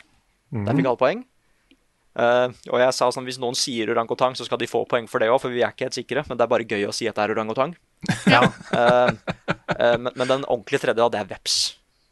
Oh, ja, er stemmer det. mot veps, ja. Mm. Stemmer det. -huh. Ok, neste. Og det her er om å gjøre nærmest, altså. Mm. Hvor mange Platinum Trophies har jeg fått på PlayStation? Og her får dere fem poeng hvis dere klarer å gjette de tre som jeg er mest stolt av. Ah, Jeg har liksom ingen oversikt over hvor mange platinum folk har. For det er sånn som meg, som Nei, har jeg vet ingen. Eh, og så er det folk som på en måte tar veldig mange. Så jeg sier sju. Du sier sju, Jeg tipper ni. du sier ni. Mm. Jeg tipper ti, da. Ok. Da får Og det er tre du er mest fornøyd med. Ja. Jeg kan si at Frida får et poeng fordi det er nærmest. Uh, hun er nærmest okay, det. Men ja, de tre jeg er mest fornøyd med. Har dere noen Ned Automata. Ja Mm. Jeg vet ikke om du har i Bloodborne, men jeg kan si Bloodborne. mm. Har du platinum i God of War? Nei, jeg kan si Kan jeg, kan jeg, kan, kan jeg stille et, et litt sånn eh, oppfølgingsspørsmål, Nick? Ok. Har du spilt mye Red Dead Online? Ja, det har jeg. Eh, Men har du giddet å ta platene med det spillet? Ja, det- det... er bare jeg som er gal nok til det. Det spørs. Men, eh, men jeg kan si at eh, siden dere alle har tatt feil hittil, så sier vi at det ingen greide det. Nei, Ja, okay, greit. de tre jeg er mest stolt av Hør her nå, dere. De tre jeg er mest stolt av, det er Dishonored 1, Marvels Spiderman og første sesong av Telltale Games, for det er de eneste platinumene jeg har på PlayStation. Oh, ja, så kult. okay. jeg trodde jeg hadde mange flere, men det hadde jeg ikke. Ikke på Neo Automata engang. Ha. Nei, Man må jo være litt opptatt av platinum for å få platinum. Fordi det er jo en del av de uh, trofeene du får der som du må aktivt jobbe for, liksom. Ikke- Det kommer, det kom, som ikke kommer av seg selv. Ikke sant? Mm. Og da kommer de siste. Hør nå. De har vært tre poeng. Hva heter min PlayStation 4? Sasha? Sier Sasha. Ja, det er Sasha. Det er Sasha. Ja, og det er jo helt riktig. Det er Sasha. Okay. Hva heter PC-en min? Å, den heter Anja. Anja? Eller, nei, den, den gamle, den gamle het Anja. Den gamle het Anja. Eowyn. Eowyn. Det Frida sa. Sa. Ja, det er Eowyn. Det er helt riktig. Ok. Hva het den forrige PC-en min? Anja. Sier Anja? Ja. Det Carl sier. Hva kan jeg? Ja. Det er ikke Anja, det er Emma, dere. Emma, er Emma var det. Hva var det For som det het begynte på Anja? E. Ja, Sånn var det. Mm. Emma. Og det siste spørsmålet, det er Hva heter min PlayStation 5? Er det Anja? Ja, du sier Anja der. Dette husker jeg ikke. Nei, jeg husker ikke, jeg heller. Da sier jeg Anja. Jeg tror det er, det er en av de som heter Anja. Da sier jeg Anja, jeg også. Jeg velger å ikke si noe. Du velger å ikke si noe. Du kan si noe. Ja. Nei. Ok, greit. Ja. Det var Anja, dere. Det er Anja. Det var Anja. Den er yes. så høy. Uh, Ikke sant? Det Ja, fordi fyrtårnet, ja. Mm. Ja, fordi fyrtårnet, liksom. Det er akkurat det der. Den er så høy, ser ut som et fyrtårn. Men da er vi ferdig med Nick-quizen, dere. Ja. Eh, og da skal, vi, da skal vi si scorene her, da. På tredjeplass da så har vi Frida med 16 poeng. Ok, På andreplass Nei, eller vet du hva? Jeg kan si førsteplassen isteden. Uh, Gjør det. Ja. Førsteplassen, da. Da har vi Carl med 19 poeng. Yes! yes! yes! med 17 poeng. Jeg vant til Ja. Nick. Vi kjente det ganske godt, da, alle Ja. sammen. Ja, vi gjorde det. Ja, jeg, jeg er Totalt. mer enn fornøyd, altså. Så bra. det er bra. Så bra. Hva er hennes best, hvordan fredag sist? Har Carl egentlig sopp? Ukens spørsmål. Og vi starter med et spørsmål fra Jon Magnus Restad, som skriver Med endringen som dere har vært gjennom det siste året, begynner vi nå å se konturen av fremtidens level up, eller level up 2.0. Tenker da på mer streaming, nytt på fulltid, klassikeren og duellen tilbake, osv. Og ja. Ja, Det korte svaret på det er vel ja. Vi, eh, en ting som vi har snakka ganske mye om, som jeg syns er verdt å gjenta her, er jo at vi jobber nå mot at, eh, at eh, Carl og Nick og jeg skal ha et sted hvor vi kan sitte sammen og jobbe. Og det betyr flere produksjoner, også av typen Duellen og eh, Klassikeren og den type ting. Mer innhold, også ting som vi bare lager sånn plutselig, fordi ok, nå har det kommet en announcement som vi kan lage en kul video av, vi bare gjør det. Og tre, lettere å starte streams. Lettere å bare skru på et eh, kamera og lamper og sånt og være live. Um, så eh, vi, jeg, jeg syns vi ser konturen av det. Um, mye av det er knytta opp mot å ha et eget kontorplass, men mye av det kan også gjøres, og har vi også gjort, uh, i uh, hverdagen vår. Arbeidsdagen vår. Så, så det er det vi uh, håper på. Eh, vi har jo også fått en del bra utstyr som vi først liksom får virkelig utnytta når vi er på et kontor hvor det utstyret er. med gode lamper og bommikrofon og mm. mygg og hele pakka, liksom. Jeg er sykt fornøyd med det utstyret Ja, det er veldig bra. Det er kjempebra. Så vi fikk fritt ordpenger for Mm. å kjøpe. Så vi håper på liksom en, en litt sånn profesjonalisering av innholdet vårt, sånn kvalitetsmessig, sånn produksjonsmessig, eh, og mer innhold, rett og slett. Mer innhold. Mm. Nye anmeldere osv. Kanskje gå videre til det spørsmålet, da. Yes, det kan jeg gjøre. Vi har nemlig fått et spørsmål her fra eh, Pål Nikita Bjerklund, som skriver Er det viktig med jevnaldrende med andre i redaksjonen med tanke på nye anmeldere? Altså 18 pluss, eller er ikke det så viktig? Ja, jeg vet dere har stor aldersforskjell nå. Skal vi til første spørsmål? Velkommen, holdt jeg på å si. Eh, Ja, nei, også Det som er viktig for oss å få fram her, er at vi er opptatt av, eh, av eh, hva skal man si, variasjon. Vi, vi har, når vi kjører ut den neste søknadsrunden, så forventer vi at det kommer til å komme ganske mange søknader. Og vi kommer nok til å være ekstra oppmerksom på uh, å få liksom inn folk som kanskje representerer uh, noe annet enn det vi allerede er, da. Og så utvide litt uh, eh, spennvidden i eh, hvem, hvilke personer det er som jobber med level up-ting. Og det kan jo da f.eks. bety eh, noen som er yngre. Så man må ikke være 18. Eh, jeg husker eh, da jeg henta inn anmeldere i, eh, i VG-tiden, så var den yngste som henta inn, var vel 15 da hun begynte. Maren. Eh, men det er jo rett og slett fordi det, er, det er bra da for en redaksjon å ha litt forskjellige perspektiver. Forskjellige kjønn og legninger og bakgrunner. Og alder. Mm. Det er en sunn ting for en, en spillerredaksjon å ha. Mm. Eh, og det er også, vil jo representere det vi prøver å få til bedre også. At vi, vi, vi er jo for alle, liksom. Det er jo sånn vi liker å se på oss selv, i hvert fall. det viktige er egentlig at personen passer inn hos oss. Ja, for da kommer det inn andre momenter. De må være flinke, eller i hvert fall ha potensial til å bli flinke. Og de må passe inn uh, i eh, level up-familien. Det er kjempeviktig for oss.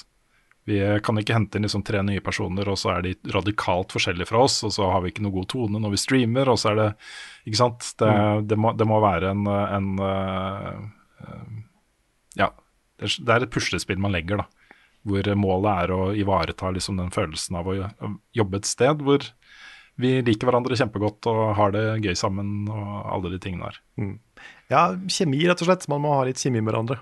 Mm. Så det blir spennende. Jeg er kjempespent på hva som kommer inn av søknader eh, der. Jeg, har jo eh, veldig veldig lyst til å finne noen, eh, noen stemmer som kanskje ikke ligner Som er litt unike, da.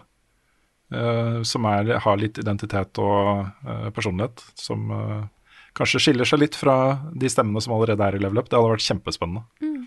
å finne noen som kan gjøre ting på litt andre måter. For det er inspirerende for oss også. Det er, det. kjempeinspirerende når, eh, når eh, noen av dere andre lager ting som jeg, som jeg syns er vellaga og bra, liksom, så blir jeg inspirert til å bli flinkere sjøl. Samme her. Mm. Yes, vi rekker på et par spørsmål til, gjør vi ikke det? Jo da, vi gjør det. Kjør på. Hvem har et på lager? Hmm. Jeg har et her. Ja.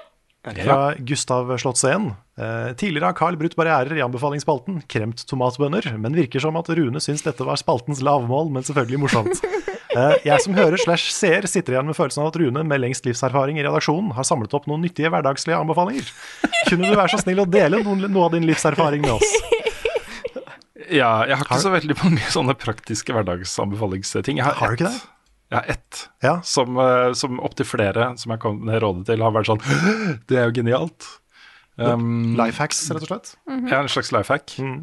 Det er eh, eh, når du dusjer Hvis du bruker midten av håndkleet til uh, dine edle kroppsdeler Ja, det her har du snakka om. Ja, så vil begge endene vil være trygge for ansiktet og resten av kroppen. Fordi det er alltid liksom da, Uansett, da kan du ikke sant, Hvis du bruker en ende så aha, var det den enden, eller var det den enden? Hvis du bruker midten, midten til de, de, de greiene der, liksom, så um, uh, ja. Du kan jo kanskje potensielt farge håndkleet også, og lage Ja, sånn crotch area. Ja, men det selges jo. Vi har snakka om dette, her, det var en lang sånn Twitter-diskusjon vi hadde på det, hvor bl.a. Bjørn kom inn og sa liksom, ja, men du er jo rein når du tørker deg, så det er jo ikke noe problem. Du kan jo tørke deg med hva som helst. Ja, det er absolutt så sant. Da er min, ja, men du kan få, kan få kjønnshår i munnen og sånt, og det er litt ekkelt. Ja, det er sant. Du, altså, du Mm. kan jo også bytte håndkle for hver dag. Ja, noen har jo liksom et lite håndkle til det, og så et større håndkle til det, og det er liksom mange som har Men hvis du bruker Det her er en enkel, bare en enkel måte å gjøre det på, ikke sant. Hvis du Mm. har ett håndkle, bruk midten. Trenger aldri å tenke på det. Sant. Så ellers er jo de andre life hack-rådene jeg har, handler jo mer om bare om å bli tryggere på seg selv og ikke være så opptatt av hva andre mener, og uh, være hyggelig mot alle du møter. Det er sånne universale ting da, som, er, som man føler med på kroppen jo eldre man blir, liksom. At det har en verdi, da. Det å behandle alle du møter med respekt, og ikke være kjip mot kelnere og uh, sånne ting, liksom. Det er, uh, det er mer en sånn vage, generelle life hacks. Og tomatbønner. Ja, tomatbønner. Og så vil jeg også bare si en ting, siden jeg er jo den eldste her. Det er den derre usikkerheten og uh, de følelsene man sliter litt med sånn i 20-åra og deler av 30-åra. Det går over. Det går over, og det trenger ikke å være en sånn veldig bevisst prosess man gjør heller. Men, uh, men eh, det går over. Man, uh, man vender på en måte et hjørne på et punkt, og no, for noen er det punktet liksom i 20-åra, andre er det i midten av 30-åra, noen i 40-åra og sånne ting. Men man vender et punkt hvor, eh, hvor ting som tidligere virka uoverkommelige, ikke er så farlig lenger. Det er liksom det, det, det er mitt sånn generelle bare sånn Ja, Dere kan se fram mot det, folkens. det er, det er sant. Den der eh, indre stemmen som forteller deg at du er udugelig og håpløs hele tida, den, mm. den roer seg litt. Og blir erstatta av en litt mer sånn generell eh, eksistens, eksistensiell angst. Ja, for den blir sterkere og sterkere jo eldre man blir. Nå Ja. har jeg begynt å liksom tenke sånn, ok, nå er jeg 47, hvor mange år har jeg igjen? Jeg har begynt å tenke litt sånn. Det er helt ubevisst, det bare kommer. Det kommer av seg selv. Det er liksom, eh, ja. Så prøver jeg liksom å kjenne etter eh, hvor lang tid føles det jeg allerede har levd som, og hvor, hvis det er omtrent like mye. Ikke sant? Ja. Det er det sånne ting som dukker opp. Ja, sant. For jeg har gått fra liksom herregud, hva er galt med meg, hva er meg? Og så fra det til herregud, hva skjer med verden, miljøet, Ja. og hvor er vi på vei? Mm, Så det har jo endra seg, da, i hvert fall. ja. Litt. Selv om jeg fortsatt har litt av det andre òg. Det, har- det, ja. Skal vi, skal vi avslutte har, det? jeg, vil du ha et jeg har lyst til å ta et spørsmål til. Jeg har lyst til å ta et til her. Det er fra eh, Norton jo, eh, Jonasson. Eh, da, da må jeg ha litt supplering fra sidelinjen her. Mm. Det er et spørsmål til min kone, Oi! eh, som jobber i Skatteetaten. Og hun jobber med de tingene som, eh, som alle får nå i disse dager. Også skattemeldingen for i fjor. og det- også systemer, da. Systemer for innbetaling av skatt og mm. hvordan det møter publikum. Eh, og spørsmålet er hvordan betaler man inn restskatt, og når får man utbetalt skatten man får tilbake? Hun sitter og spiser lunsj der borte, har du lyst til å svare på det? Da kommer da, da kommer da eh, eksklusivt inn på streamen fra sidelinjen her. Hei. Uh, min eh, kone. Kan du snakke inn i mikrofonen? Ja, ja, det er jo fint at eh, jeg kan svare på, på noen spørsmål da, i podkasten. Hvordan betaler man inn restskatt? Ja. Um, da vet jeg at de som jobber med skattemeldingen, de eh, holder på å eh, lage en løsning for å vise betalingsinformasjon eh, rett under der hvor du ser eh, restskatten. Det kommer eh, eh, sannsynligvis i morgen. Eh, og ellers så får du en eh, faktura i Altinn eller i posten hvis du ikke er e-bruker. Eh, og det er forfall 20. august. Det er lurt å betale den med en gang, ikke sant? for ellers så påløper det renter. Ikke i år. I år, Ikke år. er- Nei, i år er rentesatsen 0 Ah, så det spiller nice. ingen rolle. Herlig. Ja. Um, skal vi se, og når får man utbetalt skatten? Uh, skatt til gode får du utbetalt innen tre uker etter skatteoppgjøret. Ofte får du det tidligere. Ja. Mm. Tusen takk. Og de første får skatteoppgjøret i dag. Ah, herlig. For oss som Tusen takk. Ja, tusen takk. Tusen takk til konemor der. Yes. Det var veldig bra. Og det er det ikke oss som har enkeltmannsforetak. Vi får det en gang om dritlenge. Ja. Det er sant. Skal vi gi Ja, oss det var bra. Med Da kan vi gi oss. Yes. Nå er det på tide å raide komplett. Ja, det er det. Det er Yes. det. Mm. Da må jeg uansett ta avslutningen vår, så vi gjør det, og så skal vi raide. Dette her er Level Backup, en podkast utgitt av moderne media. Låten i introen og outroen er skrevet av Ole Sønnik Larsen og arrangert og framført av Kyoshu Orkestra. Vignettene er lagd av fantastiske Martin Herfjord. Du finner mye mer innhold fra oss på youtube.com slash levelupnord, og følg oss her på twitch.tv slash levelupnord eh, hvis du vil da følge med når ting skjer. Vi har en discord. Um, vi har en link. Den håper jeg fortsatt fungerer. Den er litt opp og ned. Eh, Vi driver og prøver å få partner, så den, den holder seg. Akkurat nå sier han den discord.gg slash levelupnorge. Og støtt oss gjerne på patreon.com slash levelupnorge hvis du har lyst til det. Og vi har merch-shop. Shop. Shop.spreadshot.no slash levelupnorge. Da tror jeg var hele spillen. Tusen takk for alle som har hørt på. Og så snakkes vi igjen. Hæ? Og så er, det, så er det om en time, for de som sitter her nå, så er det Valheim med bl.a. Å, Nikolai. yes. Oi. Det stemmer. Så takk for oss, og så snakkes vi igjen neste uke.